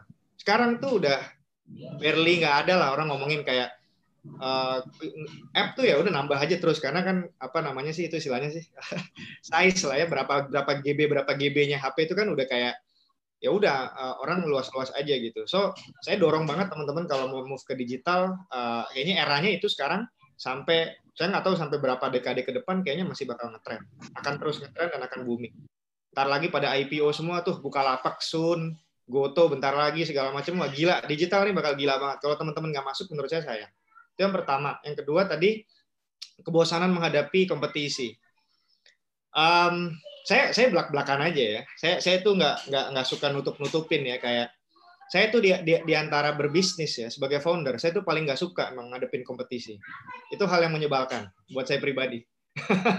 kayak gue harus harus compete harga lagi nih, aduh malas banget deh gitu kayak. Uh, atau ya oke kasih diferensiasi atau apa segala macam gitu ya. Uh, seneng main yang blue ocean gitu. Um, kita dulu agak blue ocean ya. Jarang orang dengar ada kayak oh ini bimbingan khusus untuk study abroad gitu ya. Eh ternyata ketika kita munculin itu di 2018 terus mungkin uh, ini kok Scotters cepat juga ya pertumbuhannya. Akhirnya orang kan masuk juga gitu ya. Uh, dari yang tadinya saingan kita cuma satu sekarang saya bisa nyebutin lebih dari lebih dari 10 gitu yang menawarkan bimbingan yang mirip-mirip kayak kita gitu ya. Jadi kayak sebel aja kayak aduh gue harus apa lagi ya gue biar nggak biar dia nggak ngejar kita apa gitu boring boring buat saya itu hal yang boring. Saya senang berinovasi, saya senang mengcreate hal baru, tapi uh, kompetisi itu menyebalkan. Tapi kan tapi ya, maksud saya gini. Makanya saya bilang gini, bisnis itu nggak selamanya uh, kita menjalankan sesuatu yang kayak, wah kita passionate, ini ini gue banget, ini gue suka banget jalannya. Yang bisnis itu campuran antara passion dan memang dedikasi kita sebagai founder dan CEO gitu. Iya nggak sih? kita udah jadi CEO, kita jadi founder, tiba-tiba punya pegawai ada 40, 50 kan kita punya tanggung jawab terhadap mereka supaya saya harus bikin bisnis ini makin besar supaya pegawai saya gajinya naik, supaya pegawai saya hidup bahagia, mereka punya keluarga dan seterusnya.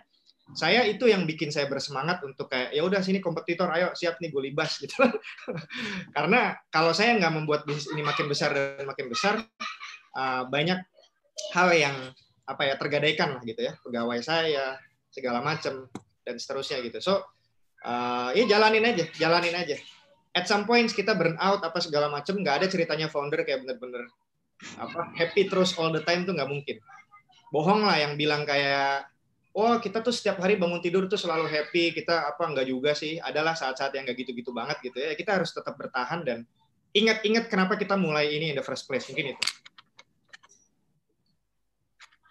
Oke, terima kasih Mas Ikono untuk jawabannya dan apabila Mas Ikono ingin meninggalkan Zoom, kami ingin mengucapkan terima kasih sebanyak-banyaknya karena Mas Ikono sudah mau dan meluangkan waktunya nih untuk kita semua untuk berbagi ilmu walaupun saya juga tadi mengalami kendala sinyal yang cukup mengganggu. Saya mohon maaf sekali lagi ya, Mas. Makasih banyak ya, nggak apa-apa. Uh, apa namanya, Pak Moderator ya. Uh, Mas Oh, Wakanda, oke. Mas Cari izin cabut dulu ya. Ngobrol-ngobrol next time ya. Thank you, thank you. Thank you. Oke, oke. Makasih semua teman-teman ya, pamit ya. Oke, sukses terus. Oke, Sukses terus untuk Mas Ikono. Ya. Terima kasih Mas. Sampai jumpa di lain kesempatan. Baik teman-teman, kita kembali kembali ke sesi interaktifnya.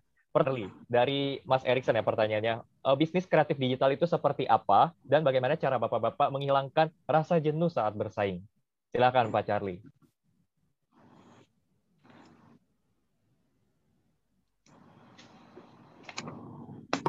Maaf buat siapanya. Saya? Untuk Oke, Pak mungkin saya Charlie, bisa iya. kasih sedikit input ya. Eh, mungkin jawaban saya bisa apply ke Mas Erikson sama Risha. Jadi begini, eh, kamu harus menjadi expert di suatu bidang.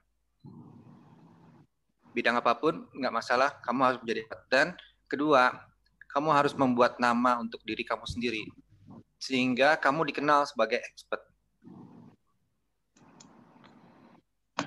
Sehingga kamu expert, itu sangat susah untuk orang lain untuk untuk berkompetisi. Itu aja dari saya.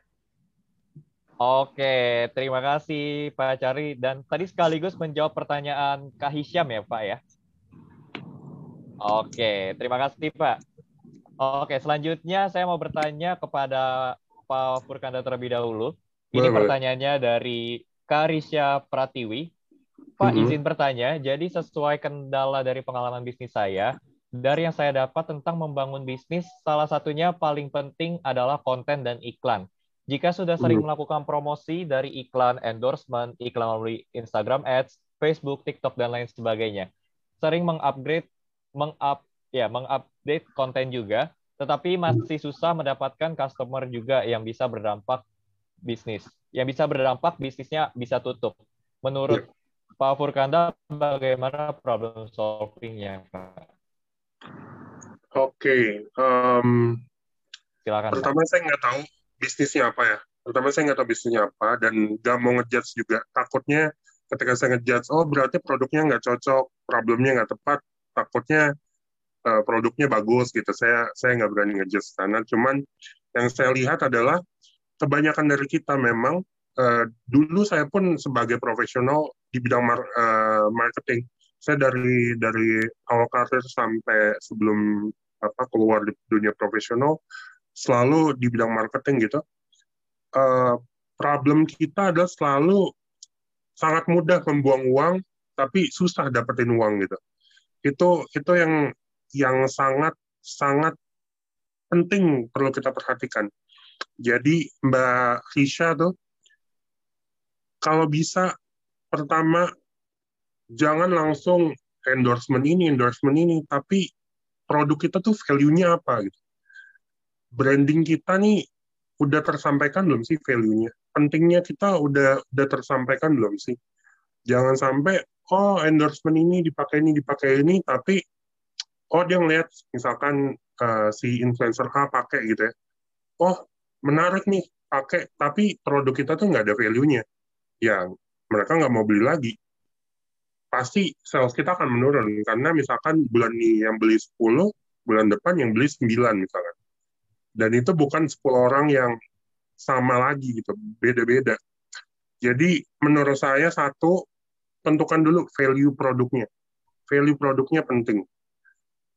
Kedua, temukan dulu loyalis. Loyalis itu penting banget. Loyalis dari produk kamu itu siapa. Apalagi kalau misalkan produk-produk kecantikan. Bikin dulu tuh uh, grupnya, bikin dulu tuh uh, loyal loyal sekalian itu untuk dia setidaknya dia bisa uh, beli lagi gitu. jangan fokus untuk nyari konsumen baru, konsumen baru, tapi kita nggak punya loyalis gitu. Kita nggak punya produk loyalis. Jadi value, cari orang-orang yang loyal sama produk kita, manjain dia, word of mouth itu pasti lebih baik daripada marketing mana pun ya. Word of mouth itu pasti lebih baik dari marketing mana pun. Jadi buat word of mouth kamu sendiri secara positif agar produk kamu dibeli gitu agar produk kamu dibeli dan sales kamu tentunya akan meningkat itu sih dari saya oke semoga ya? ter semoga terjawab Cukup ya untuk Karis ya oke terima kasih Pak Furkanda untuk penjelasannya selanjutnya saya kembali ke Pak Charlie tetapi pertanyaannya kali ini berbeda Pak kali ini dari ya dari viewers dari YouTube Pak bernama Feral. Saya izin bertanya Pak, bagaimana cara menjaga ide bisnis kami dari dicuri di saat proses validasi ide? Dan apabila kami mempunyai sebuah sebuah solusi untuk problem yang real, namun eksekusi solusi tersebut bukanlah termasuk bidang atau spesialisasi kami, step apa sajakah yang harus kami tempuh? Terima kasih banyak Pak. Silakan Pak Charlie. Eh, jangan khawatir mengenai ide dicuri ya, karena ide itu banyak banget dan nggak ada harganya. Dan eh, waktu kamu menjalani bisnis ini, pasti ada yang namanya pivoting. Dan ini sekalian menjawab pertanyaan yang di Zoom. Penting sekali pivoting. Jadi kita ada ide awal, ternyata doesn't work. Ternyata customer maunya beda. Maka di situ kita ada pivoting. Nah, sebagai founder, kamu harus bisa pivot. Pivot, pivot, pivot. Seperti juga uh, pertanyaan tadi yang yang dari uh, Pak Martin, gimana kalau kita uh, stuck, kita kita menembus suatu problem gagal, suatu problem gagal. Pentingnya sebagai founder itu mencari feedback dari customer. Jadi misalnya ide awal kita nggak diterima, pivot, kita belajar suatu hal, lalu kita rubah direction. Sama juga kalau kita uh, mencari jalan kan, kita jalan dari A ke B, nyasar di tengah jalan kita nggak mungkin balik rumah ya, kita pasti nanya orang sampai ke tujuannya, gitu. Nah kalau kamu tidak memiliki skill, uh, belajar, harus belajar. Kalau ada uang, ya hire orang yang bisa, gitu. Mau nggak mau harus belajar. Saya juga semua harus belajar. Semoga menjawab pertanyaannya.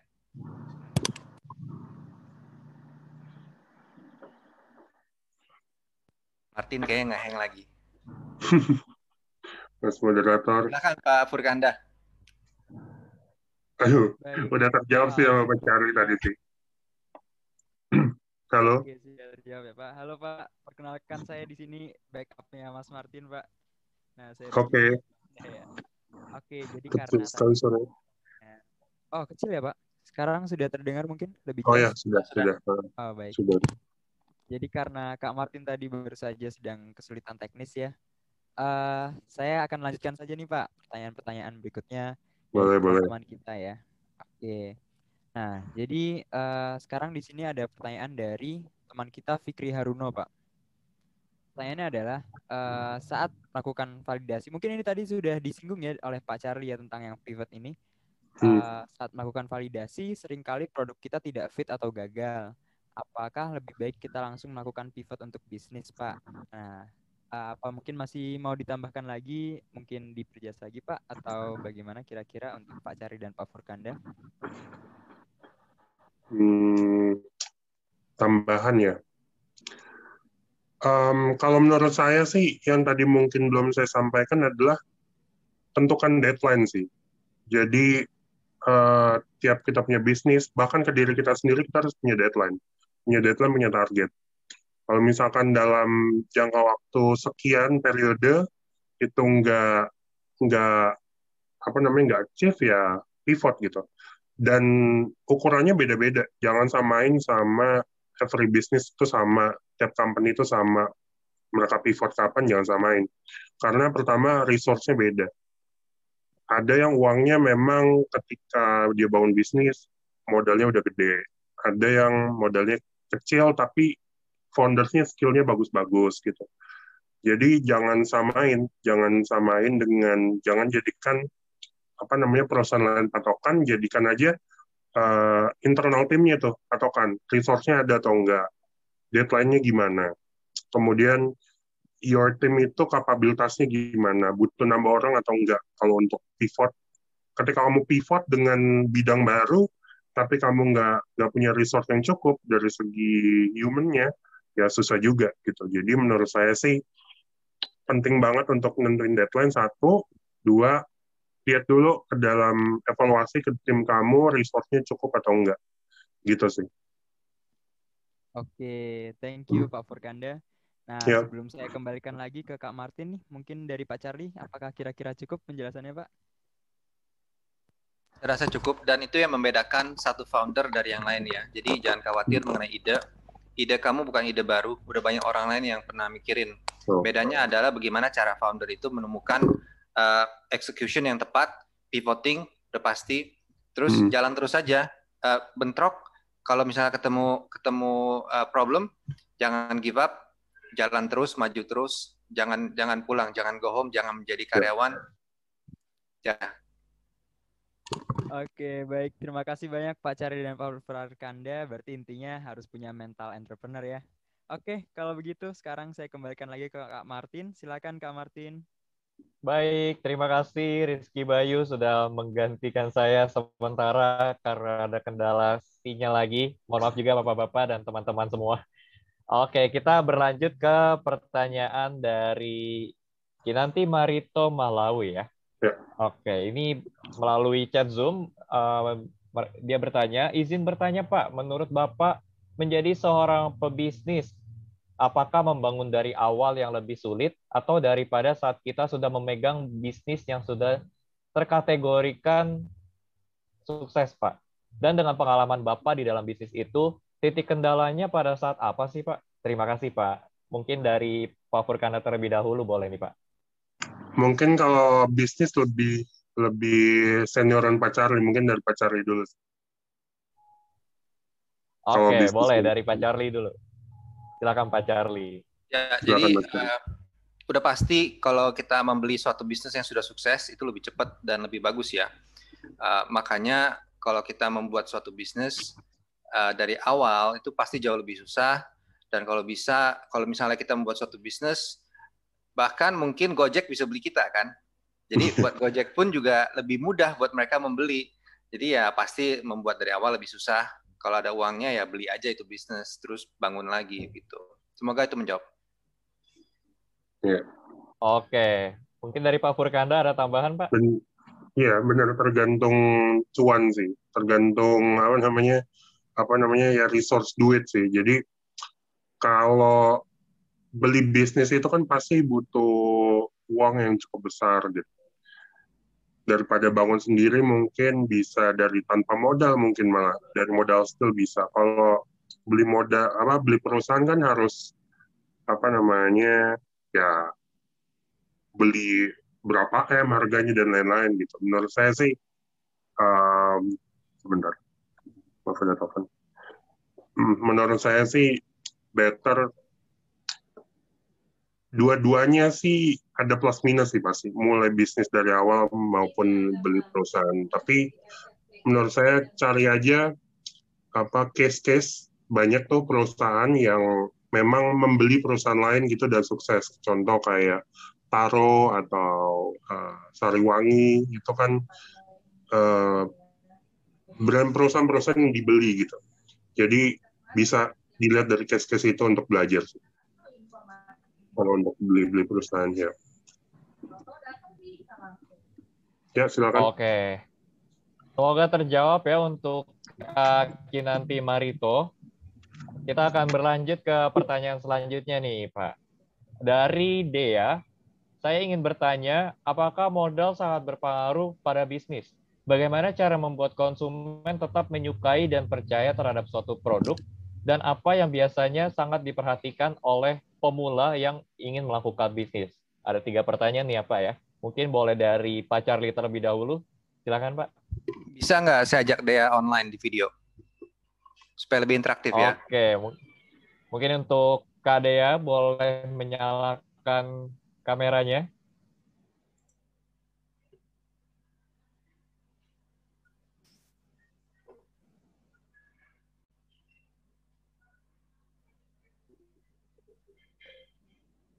Untuk Kadea, boleh Kadea. menyalakan Mungkin suaranya aja kameranya juga nggak apa-apa. agar lebih interaktif. Suara juga boleh. Kadea. Arneta Setiovani.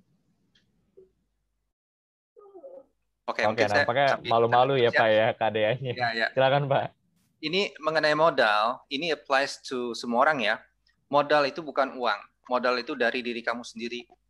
Jadi orang yang udah bangkrut, udah habis uang, tapi kalau memang dia pintar, ada keahlian, itu bisa dicari lagi uangnya. Jadi modal itu dari otak kamu sendiri, ya, ngomong kasarnya.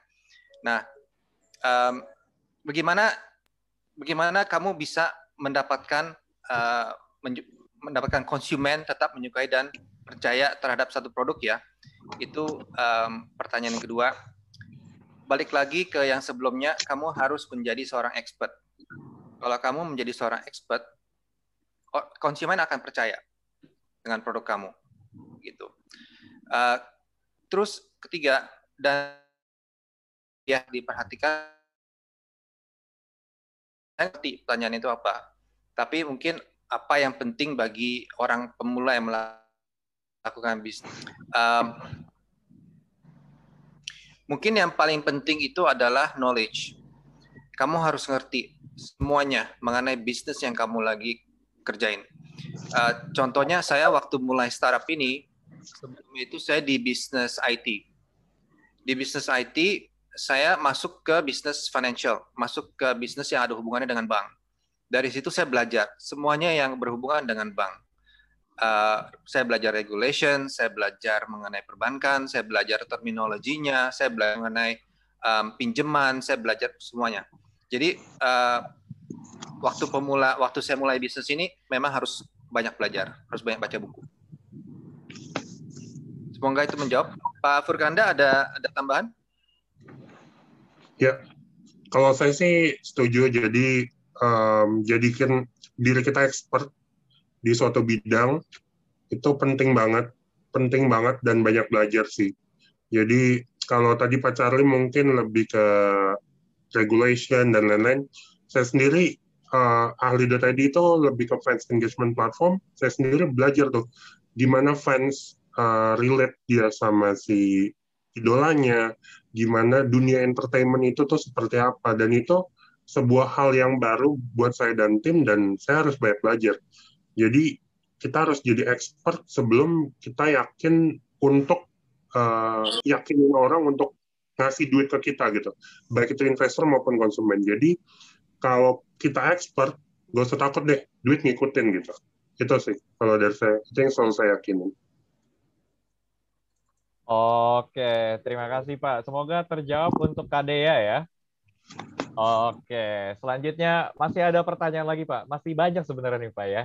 Jadi jangan bosan-bosan ya. Pak. Kita Untuk discuss menjawab aja pertanyaan teman. Iya, kita Discuss discuss aja. aja. Betul. Oke, kali ini dari Sylvia. Sylvia bertanya, ketika kita menghadapi suatu dunia bisnis, kegagalan adalah hal yang mungkin terjadi. Kita juga harus melakukan evaluasi terhadap kinerja yang kita lakukan. Kemudian, apakah evaluasi yang baik itu dilakukan sebaiknya sesering mungkin atau tergantung dengan tingkat risikonya, Pak? Mungkin dari Pak Purkanda dulu kali ini, mungkin. Boleh, evaluasi eh, singkatnya gini pertanyaannya berarti evaluasi itu eh, bagusnya dilakukan kapan gitu ya Iya, Pak. Betul. oke kalau dari pengalaman saya dari dunia profesional sampai sekarang evaluasi itu kan banyak ya jadi evaluasi kita apalagi kalau berkecimpung di marketing pasti ketemunya konsumen ketemunya suara-suara sengau gitu, miring, negatif dan lain-lain. Menurut saya sih setiap em, itu ada suara negatif dalam arti bukan satu orang eh, ngomong negatif kita langsung dengerin dan pusing enggak. Tapi ketika itu udah eh, banyak, udah udah jadi persentase yang cukup banyak gitu dari satu populasi konsumen kita dan itu kita harus mulai eh, evaluasi. Tapi saya selalu eh, sarankan untuk realistis. Realistis dalam arti kalau eh, evaluasi itu belum bisa dilakukan untuk produk kita, ya jangan dulu. Maksudnya belum ada duitnya untuk melakukan inovasi, ya jangan dulu. kita lihat dulu, dengerin dulu aja, kumpulin. Ketika kita udah ada resource-nya, ketika kita udah ada tim yang kuat untuk apa namanya mengimplementasi evaluasi tersebut, ketika kita udah punya resource yang bagus secara uang, kemudian secara pengetahuan, baru deh kita melakukan implementasi evaluasi tersebut. Jadi seberapa sering menurut saya kembalikan lagi ke kondisi saat itu. Kondisi saat itu timnya bagus nggak, duitnya ada nggak, knowledge kita cukup atau nggak. Tiga itu checklist dulu. Kalau salah satu belum terchecklist jangan dulu. Tapi kalau tiga-tiganya udah ke checklist, menurut saya ya lakukan gitu sih. Oke, terima kasih Pak Perkanda. Dari Pak Charlie ya. sendiri, bagaimana Pak pendapatnya? Uh, yang yang bertanya tadi bisa online nggak? Bisa video nggak? Oke, untuk Kak Sylvia. Kak Sylvia mungkin boleh menyalakan videonya, Kak. Hai, Mbak Sylvia. Okay. Nah, itu. Salam kenal. Okay. So, basically, um, kegagalan itu jangan maksudnya begini, kegagalan pasti ada, ya. Tapi levelnya apa dulu? Misalnya kamu lihat, oke okay, saya salah jalan. Apakah salah jalan itu kegagalan? Belum tentu kan kita bisa muter balik, bisa cari jalan yang benar. Um, jadi di dunia startup itu ada yang namanya pivoting dan pivoting itu penting banget dan pasti akan terjadi. Kamu akan uh, menemukan suatu hal yang ternyata salah, tapi itu bukan kegagalan. Karena kamu salah jalan, kamu tanya orang, oh ternyata begitu, ya udah kita pivot. Dan uh, itu pasti terjadi dan kamu harus melakukan evaluasi uh, secepat mungkin. Gitu. Kalau mi memang misalnya nggak bekerja jangan jangan terusin. Gitu. Seperti misalnya saya di, di tim di tim sales saya sendiri minggu lalu kita menemukan suatu hal yang yang menarik. Uh, ternyata yang kita lakukan itu salah jadi kita rubah. Gitu. Itu harus segera mungkin. Nah bedanya antara yang sukses atau enggak yaitu adalah speed kecepatan pivoting dan jumlah uh, number of pivotingnya mungkin ada orang lain kompetitor kamu yang aduh gagal lagi gagal lagi udah deh udah deh stop tapi kamu gagal cari jalan baru terusin gagal cari jalan baru terusin nah itu semakin banyak semakin sukses gitu aja Mbak Sylvia Oke, semoga terjawab untuk Kak Sylvia. Bagaimana, ya. Kak?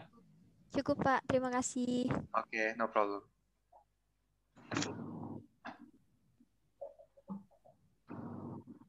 Oke, terima kasih Kak Sylvia. Dan selanjutnya ada pertanyaan dari Kak Juventianus Kenjam. Mungkin boleh sambil off on cam juga nih Kak, soalnya kakak kan ada di Zoom ini. Aku bacakan pertanyaannya dulu. Uh, izin bertanya Pak, bagaimana caranya menemukan job bisnis relevan dalam era 4.0 yang sebentar lagi masuk ke era 5.0? Apakah ada solusinya mencari bisnis kreatif digital di tengah abad yang di tengah abad semakin berganti? Terima kasih banyak, Pak. Mungkin Mas Kak Juventianus Kenjam boleh menyalakan kameranya, Kak. Dan juga mikrofonnya juga.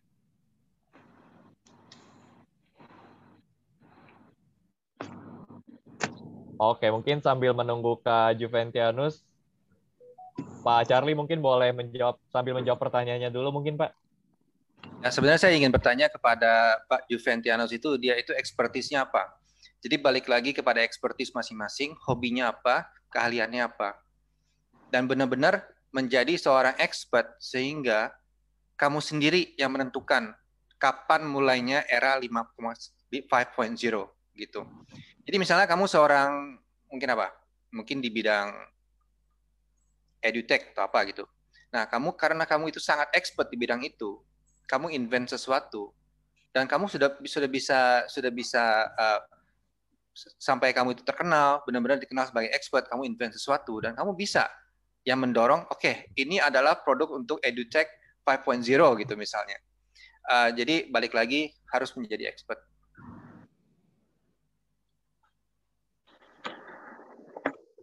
Kita menjawab. Oke, semoga menjawab untuk Kak Juventianus. Oke, kalau dari pandangan Pak Furkanda sendiri, Pak, bagaimana, Oke. Pak? Um, kalau dari pandangan saya, kalau dibilang kira-kira job apa dalam 20 tahun ke depan, misalnya 10 tahun ke depan, 20 tahun ke depan, saya nggak tahu. Kita nggak tahu, maksudnya dunia sangat cepat sekali gitu. Bahkan setahun lagi, dua tahun lagi, tiba-tiba muncul bisnis yang disrupt segala macam, mungkin aja terjadi gitu. Itu kadang-kadang di luar kontrol kita. Cuman um, kalau pertanyaan tadi lebih ke apa sih apa namanya yang kira-kira job apa yang bisa dimasukin dan lain-lain Hmm, by data itu kan selalu tentang ini ya, data intelligence, data data machine dan lain-lain gitu. Tapi benar kata Pak Charlie, saya setuju banget. Um, kita dari muda pasti udah kebiasa, udah di kota-kotakin kan. Oh kamu nih ke depan nanti harus jadi ini, jadi ini, jadi ini. Tapi menurut saya sukses itu kan kita yang nentuin sendiri ya kalau kita udah tahu kita mau ke mana, kita mau apa, mau expert di bidang apa, itu pasti kita bakal nemuin goal kita sendiri gitu. Tapi jangan khawatir, maksudnya jangan kita masih umur 19-20 tahun dan aduh, gue nggak nemuin nih uh, passion gue apa, jangan sabar. Tunggu, tunggu setahun lagi, dua tahun lagi, tetap jalanin aktivitas, tetap jalanin passion yang ada, nanti lama-lama akan nemu sendiri gitu. Uh, di umur-umur saya mungkin ketika saya kuliah satu ya sama gitu galau kayak duh kerja apa ya? Gitu. Apalagi dulu di zaman-zaman belum sedigital sekarang gitu jadi menurut saya sih uh, temuin goal kalian dulu passion kalian dan jadi expert di bidang itu itu sih Oke, terima kasih Pak Furkanda hmm. untuk jawabannya. Semoga terjawab untuk Kak Juventianus ya. Oke. Kita ada pertanyaan dari viewers YouTube nih, Pak. Dari Kak Cheryl Clarin Hayadi. Secara hmm. organisasi, jika ide dibuat sendirian, apa langkah selanjutnya? Berdasarkan pengalaman Bapak-Bapak, apakah mampu founder sendiri melaksanakan hingga market validation dan seterusnya? Mungkin dari Pak Furkanda terlebih dahulu deh, Pak. Okay. Silakan, Pak. Saya, saya eh, sembari cerita pengalaman nggak apa-apa ya? Boleh, Pak. Boleh hmm.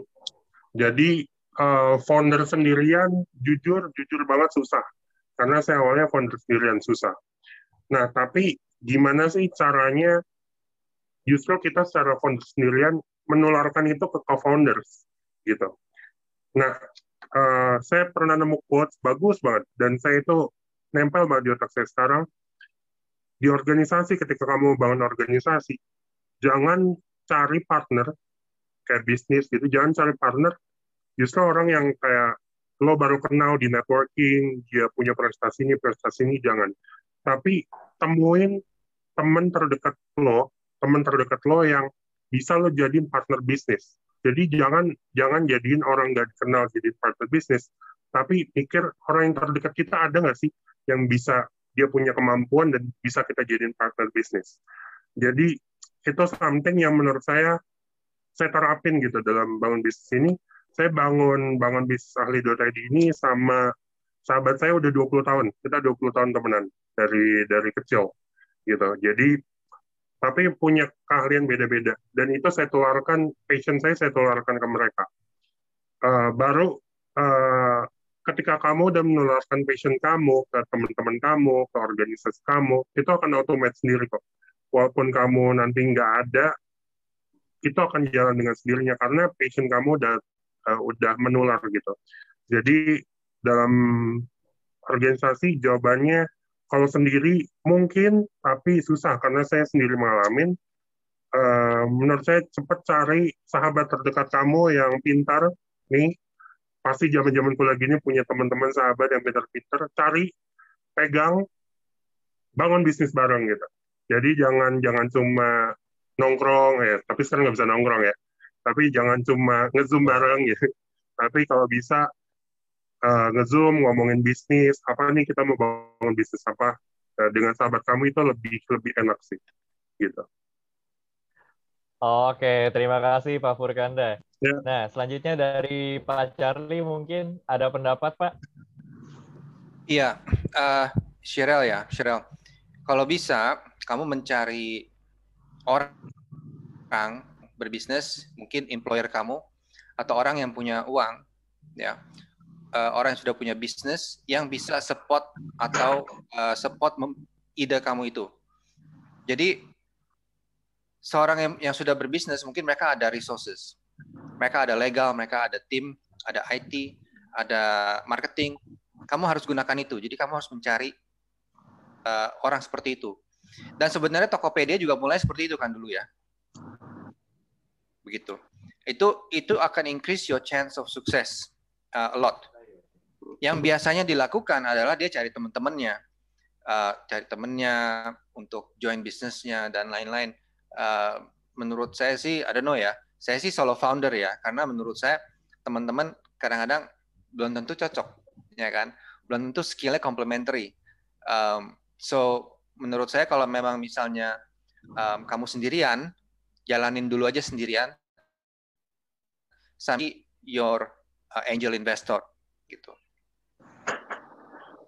Oke, semoga terjawab untuk Kak Cheryl dari viewers dari YouTube. Oke, uh, karena keterbatasan waktu, kita punya satu pertanyaan terakhir deh Pak. Uh, dari Kak Safira Audi Perenia, mungkin boleh menyalakan videonya. Oh, ternyata sudah ya. Dan boleh menyalakan mikrofonnya juga agar kita bisa berbincang lebih lebih interaktif lagi dengan kedua pembicara kita. Mungkin operator boleh bantu spotlight Kak Safira. Aku izin membacakan pertanyaan Kak Safira. Izin bertanya Pak, jika pada awalnya kita memiliki latar belakang formal atau ASN atau yang bergaji tetap, apakah kita harus memprioritaskan waktu kita sepenuhnya untuk membangun bisnis? Atau keduanya bisa berjalan beriringan Pak? Mungkin dari Pak Charlie terlebih dahulu deh Pak.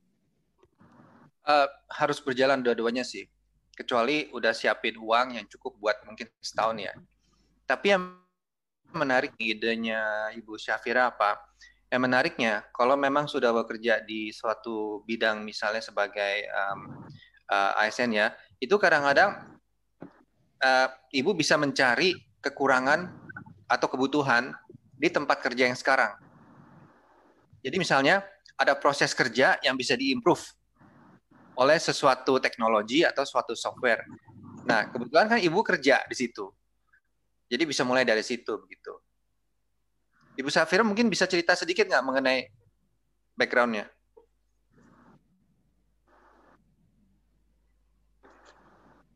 Suaranya belum masuk Ibu, maaf.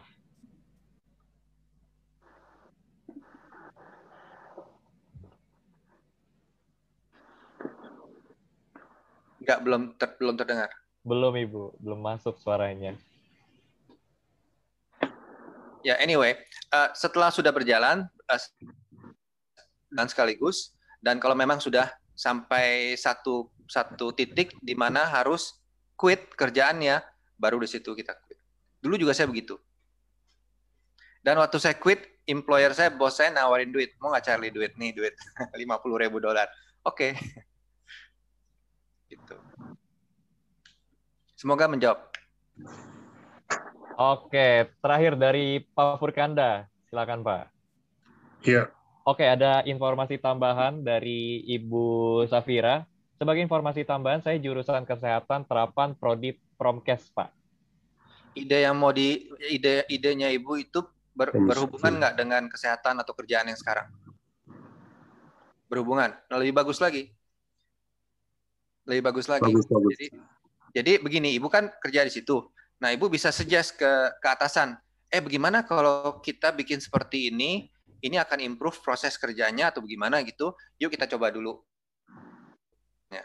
Nah, karena ibu juga kerja di situ, jadi pasti uh, lebih mudah masuknya. Oke. Iya. Silakan Pak ya. Purkanda kalau tadi tentang harus berjalan berbarengan, betul, harus berbarengan. Kapan harus keluar? Kalau udah punya duit yang cukup untuk hidup, karena kita butuh makan juga gitu. Ya, kalau bisa tadi ya minimal setahun, sampai cash flow tahun ke depan aman, baru siap keluar. Dan kalau tadi tentang promosi kesehatan dan bergerak di bidang itu, coba dulu aja. Coba dulu sambil kerja, siapa tahu benar kata Pak Charlie, karena ada beberapa case juga ada bos-bos tuh yang justru invest duit karena karena kalau beberapa investor bilang kan dia invest itu bukan ke bisnisnya ya, dia invest ke, ke orangnya gitu. Ketika dia udah kenal dengan orang tersebut yang udah bekerja sama dia misalkan udah katakanlah lima tahun gitu, dia akan ya lebih percaya lagi untuk invest duit dengan apalagi di bidang yang si bos itu juga geluti gitu. Jadi itu sih, kalau menurut saya terusin Mbak. Mantap.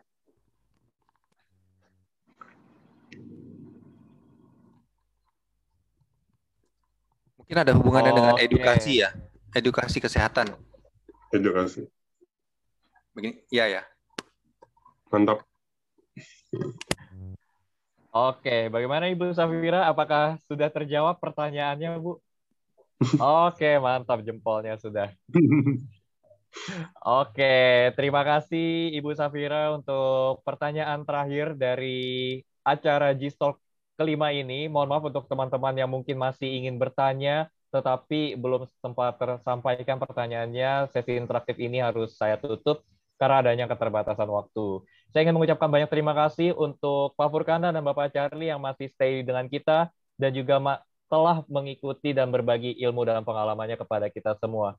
Sangat bermanfaat ilmu untuk Bapak-Bapak semua dan sesi ini sangat seru sekali Pak saya akui sebagai moderator walaupun banyak kendala sinyalnya tetapi ini mantap sekali.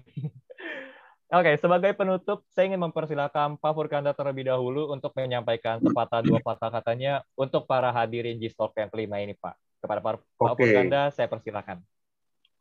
Oke, eh, pertama-tama terima kasih teman-teman semua sudah hadir di sini dan kita sudah berbagi ilmu bareng. Eh, terakhir dari saya, well masa muda pasti masa-masanya bingung, masa dan lain-lain, tapi nikmatin aja dulu. Banyak belajar, banyak knowledge, jadi expert di suatu bidang, dan pasti em, mudah-mudahan one day semua peserta di sini kita ketemu di suatu tempat dan sukses bareng. Amin. Oke, Pak. Terima kasih Pak Furkanda untuk sepatah dua patah katanya. Selanjutnya dari Bapak Charlie. Silakan, Pak. Kalau dari saya eh, hanya ini, apa pun yang kalian kerjakan itu harus the best. Semuanya harus the best. Bukannya berarti the best sekarang, tapi the best you can, tapi nanti diimprove gitu ya. Eh, itu sangat penting. Bagi yang mau eh, kenalan sama saya bisa cari saya di LinkedIn. Selamat malam semuanya. Oke, selamat malam Pak Charlie, selamat malam Pak Furkanda. Terima kasih untuk hari ini yang sangat luar biasa Pak. Eh, sukses untuk bisnis Bapak, untuk Bapak-Bapak juga, dan juga untuk keluarganya ya Pak. Sehat-sehat terus Pak. Terima kasih. Oke, tetapi kasih. Bapak-Bapak tolong jangan meninggalkan Zoom meeting terlebih dahulu karena kita akan ada sesi selanjutnya. Eh, dan teman-teman, dengan demikian telah berakhir sesi talk show kita pada hari ini. Dan inilah saatnya untuk kita berpisah. Untuk saya pamit undur diri, saya ingin mengucapkan banyak terima kasih kepada Sekolah Tinggi Manajemen PPM dan juga kepada Jakarta International Economic Society untuk waktu dan kesempatannya saya menjadi moderator pada hari ini. Saya mohon maaf sebesar-besarnya untuk kendala sinyal, untuk semua kekurangan saya, untuk semua kesalahan yang saya lakukan selama saya menjadi moderator pada hari ini. Tetap jaga kesehatan. Assalamualaikum warahmatullahi wabarakatuh. Saya Martin Stephen Esra, pamit. Terima kasih dan sampai jumpa. Acara saya kembalikan kepada MC kondang kita, Galang. Silakan Galang. Baik, terima kasih Kak Martin yang sudah memandu sesi talk show kita di acara Gistalk kelima hari ini. Nah, seperti sesi satu tadi, sebelum kita mengakhiri sesi kedua ini, marilah kita berfoto bersama dan juga bagi teman-teman yang belum menyalakan kamera, dimohon untuk menyalakan kameranya. Untuk sesi foto akan saya serahkan kepada perwakilan dari Divisi Publikasi, Desain, dan Dokumentasi. Saya persilakan. Terima kasih Mas Galang. Untuk para peserta yang belum on cam, saya persilakan on cam. Saya tunggu dua menit ya. Terima kasih.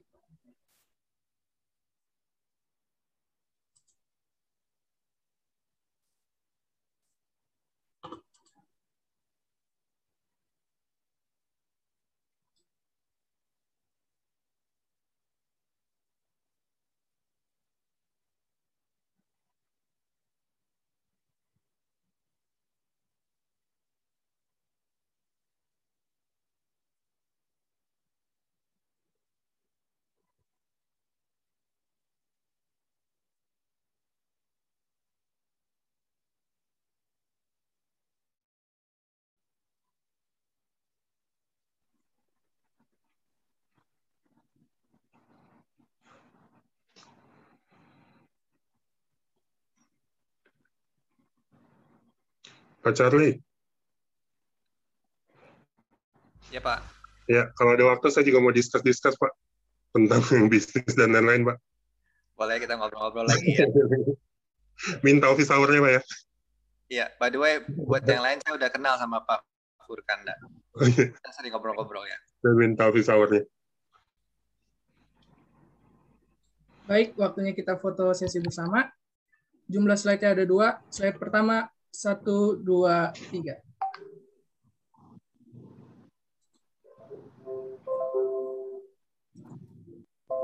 Slide kedua.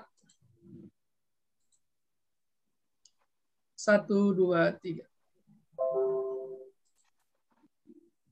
Slide terakhir. Satu, dua, tiga. Terima kasih. Baik, terima kasih Rio yang sudah memandu sesi foto bersama kita kali ini. Lalu untuk teman-teman yang mungkin masih memiliki pertanyaan yang belum sempat dibincangkan untuk hari ini, teman-teman bisa lanjut untuk follow akun Instagram @scotters @ahli.id dan juga @.xid. Lalu kepada Kak Furkandala Barza dan juga Pak Charlie Chandra, kami persilakan untuk meninggalkan ruangan apabila masih mempunyai agenda lain. Sekali lagi, kami ucapkan terima kasih atas kehadirannya sebagai pembicara di acara G-Stock yang kelima. Terima kasih, semangat. Baik, Pak. Terima kasih. Semangat.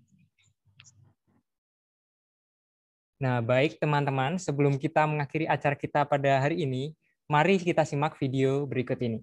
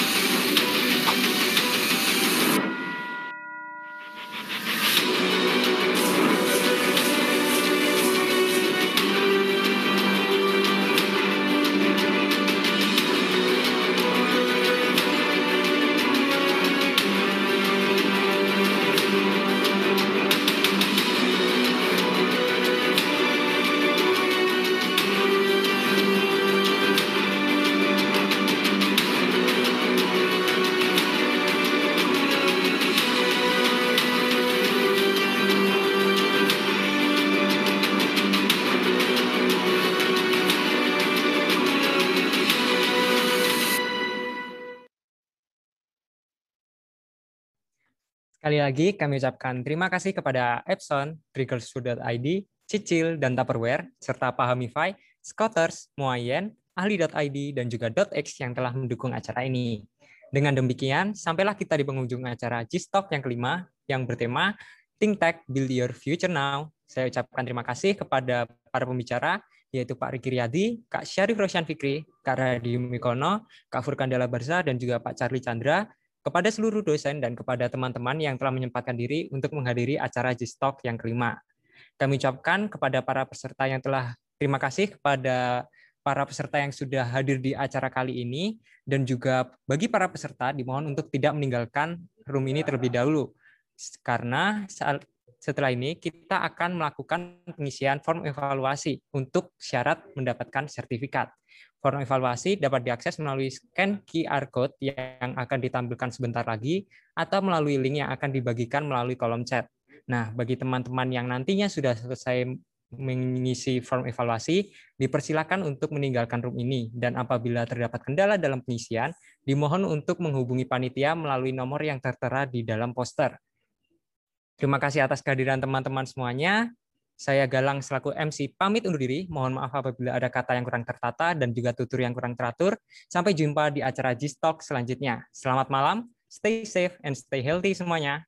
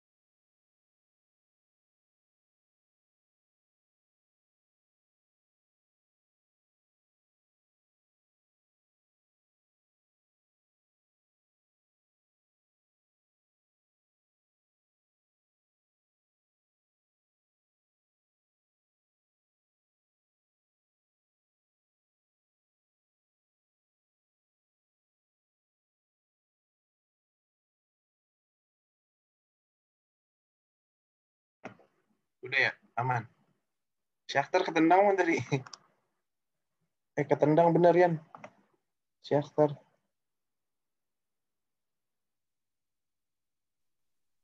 Lagi joining. Oh, udah ada balik. Ah, itu masuk. Oh, dia masuk lagi.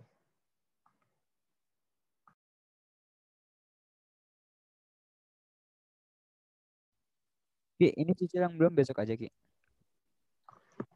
Tadi Vio yang ngomong. Besok aja atau boleh hari ini, Vi?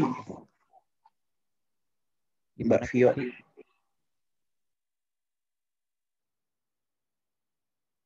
Nggak bisa unmute. Oh iya, belum Oh, diganti itunya. Gimana gimana? Ditulis aja ditulis. aja. Unmute themselves. Mute. Udah tuh, Vi. Kalau misalnya udah telat,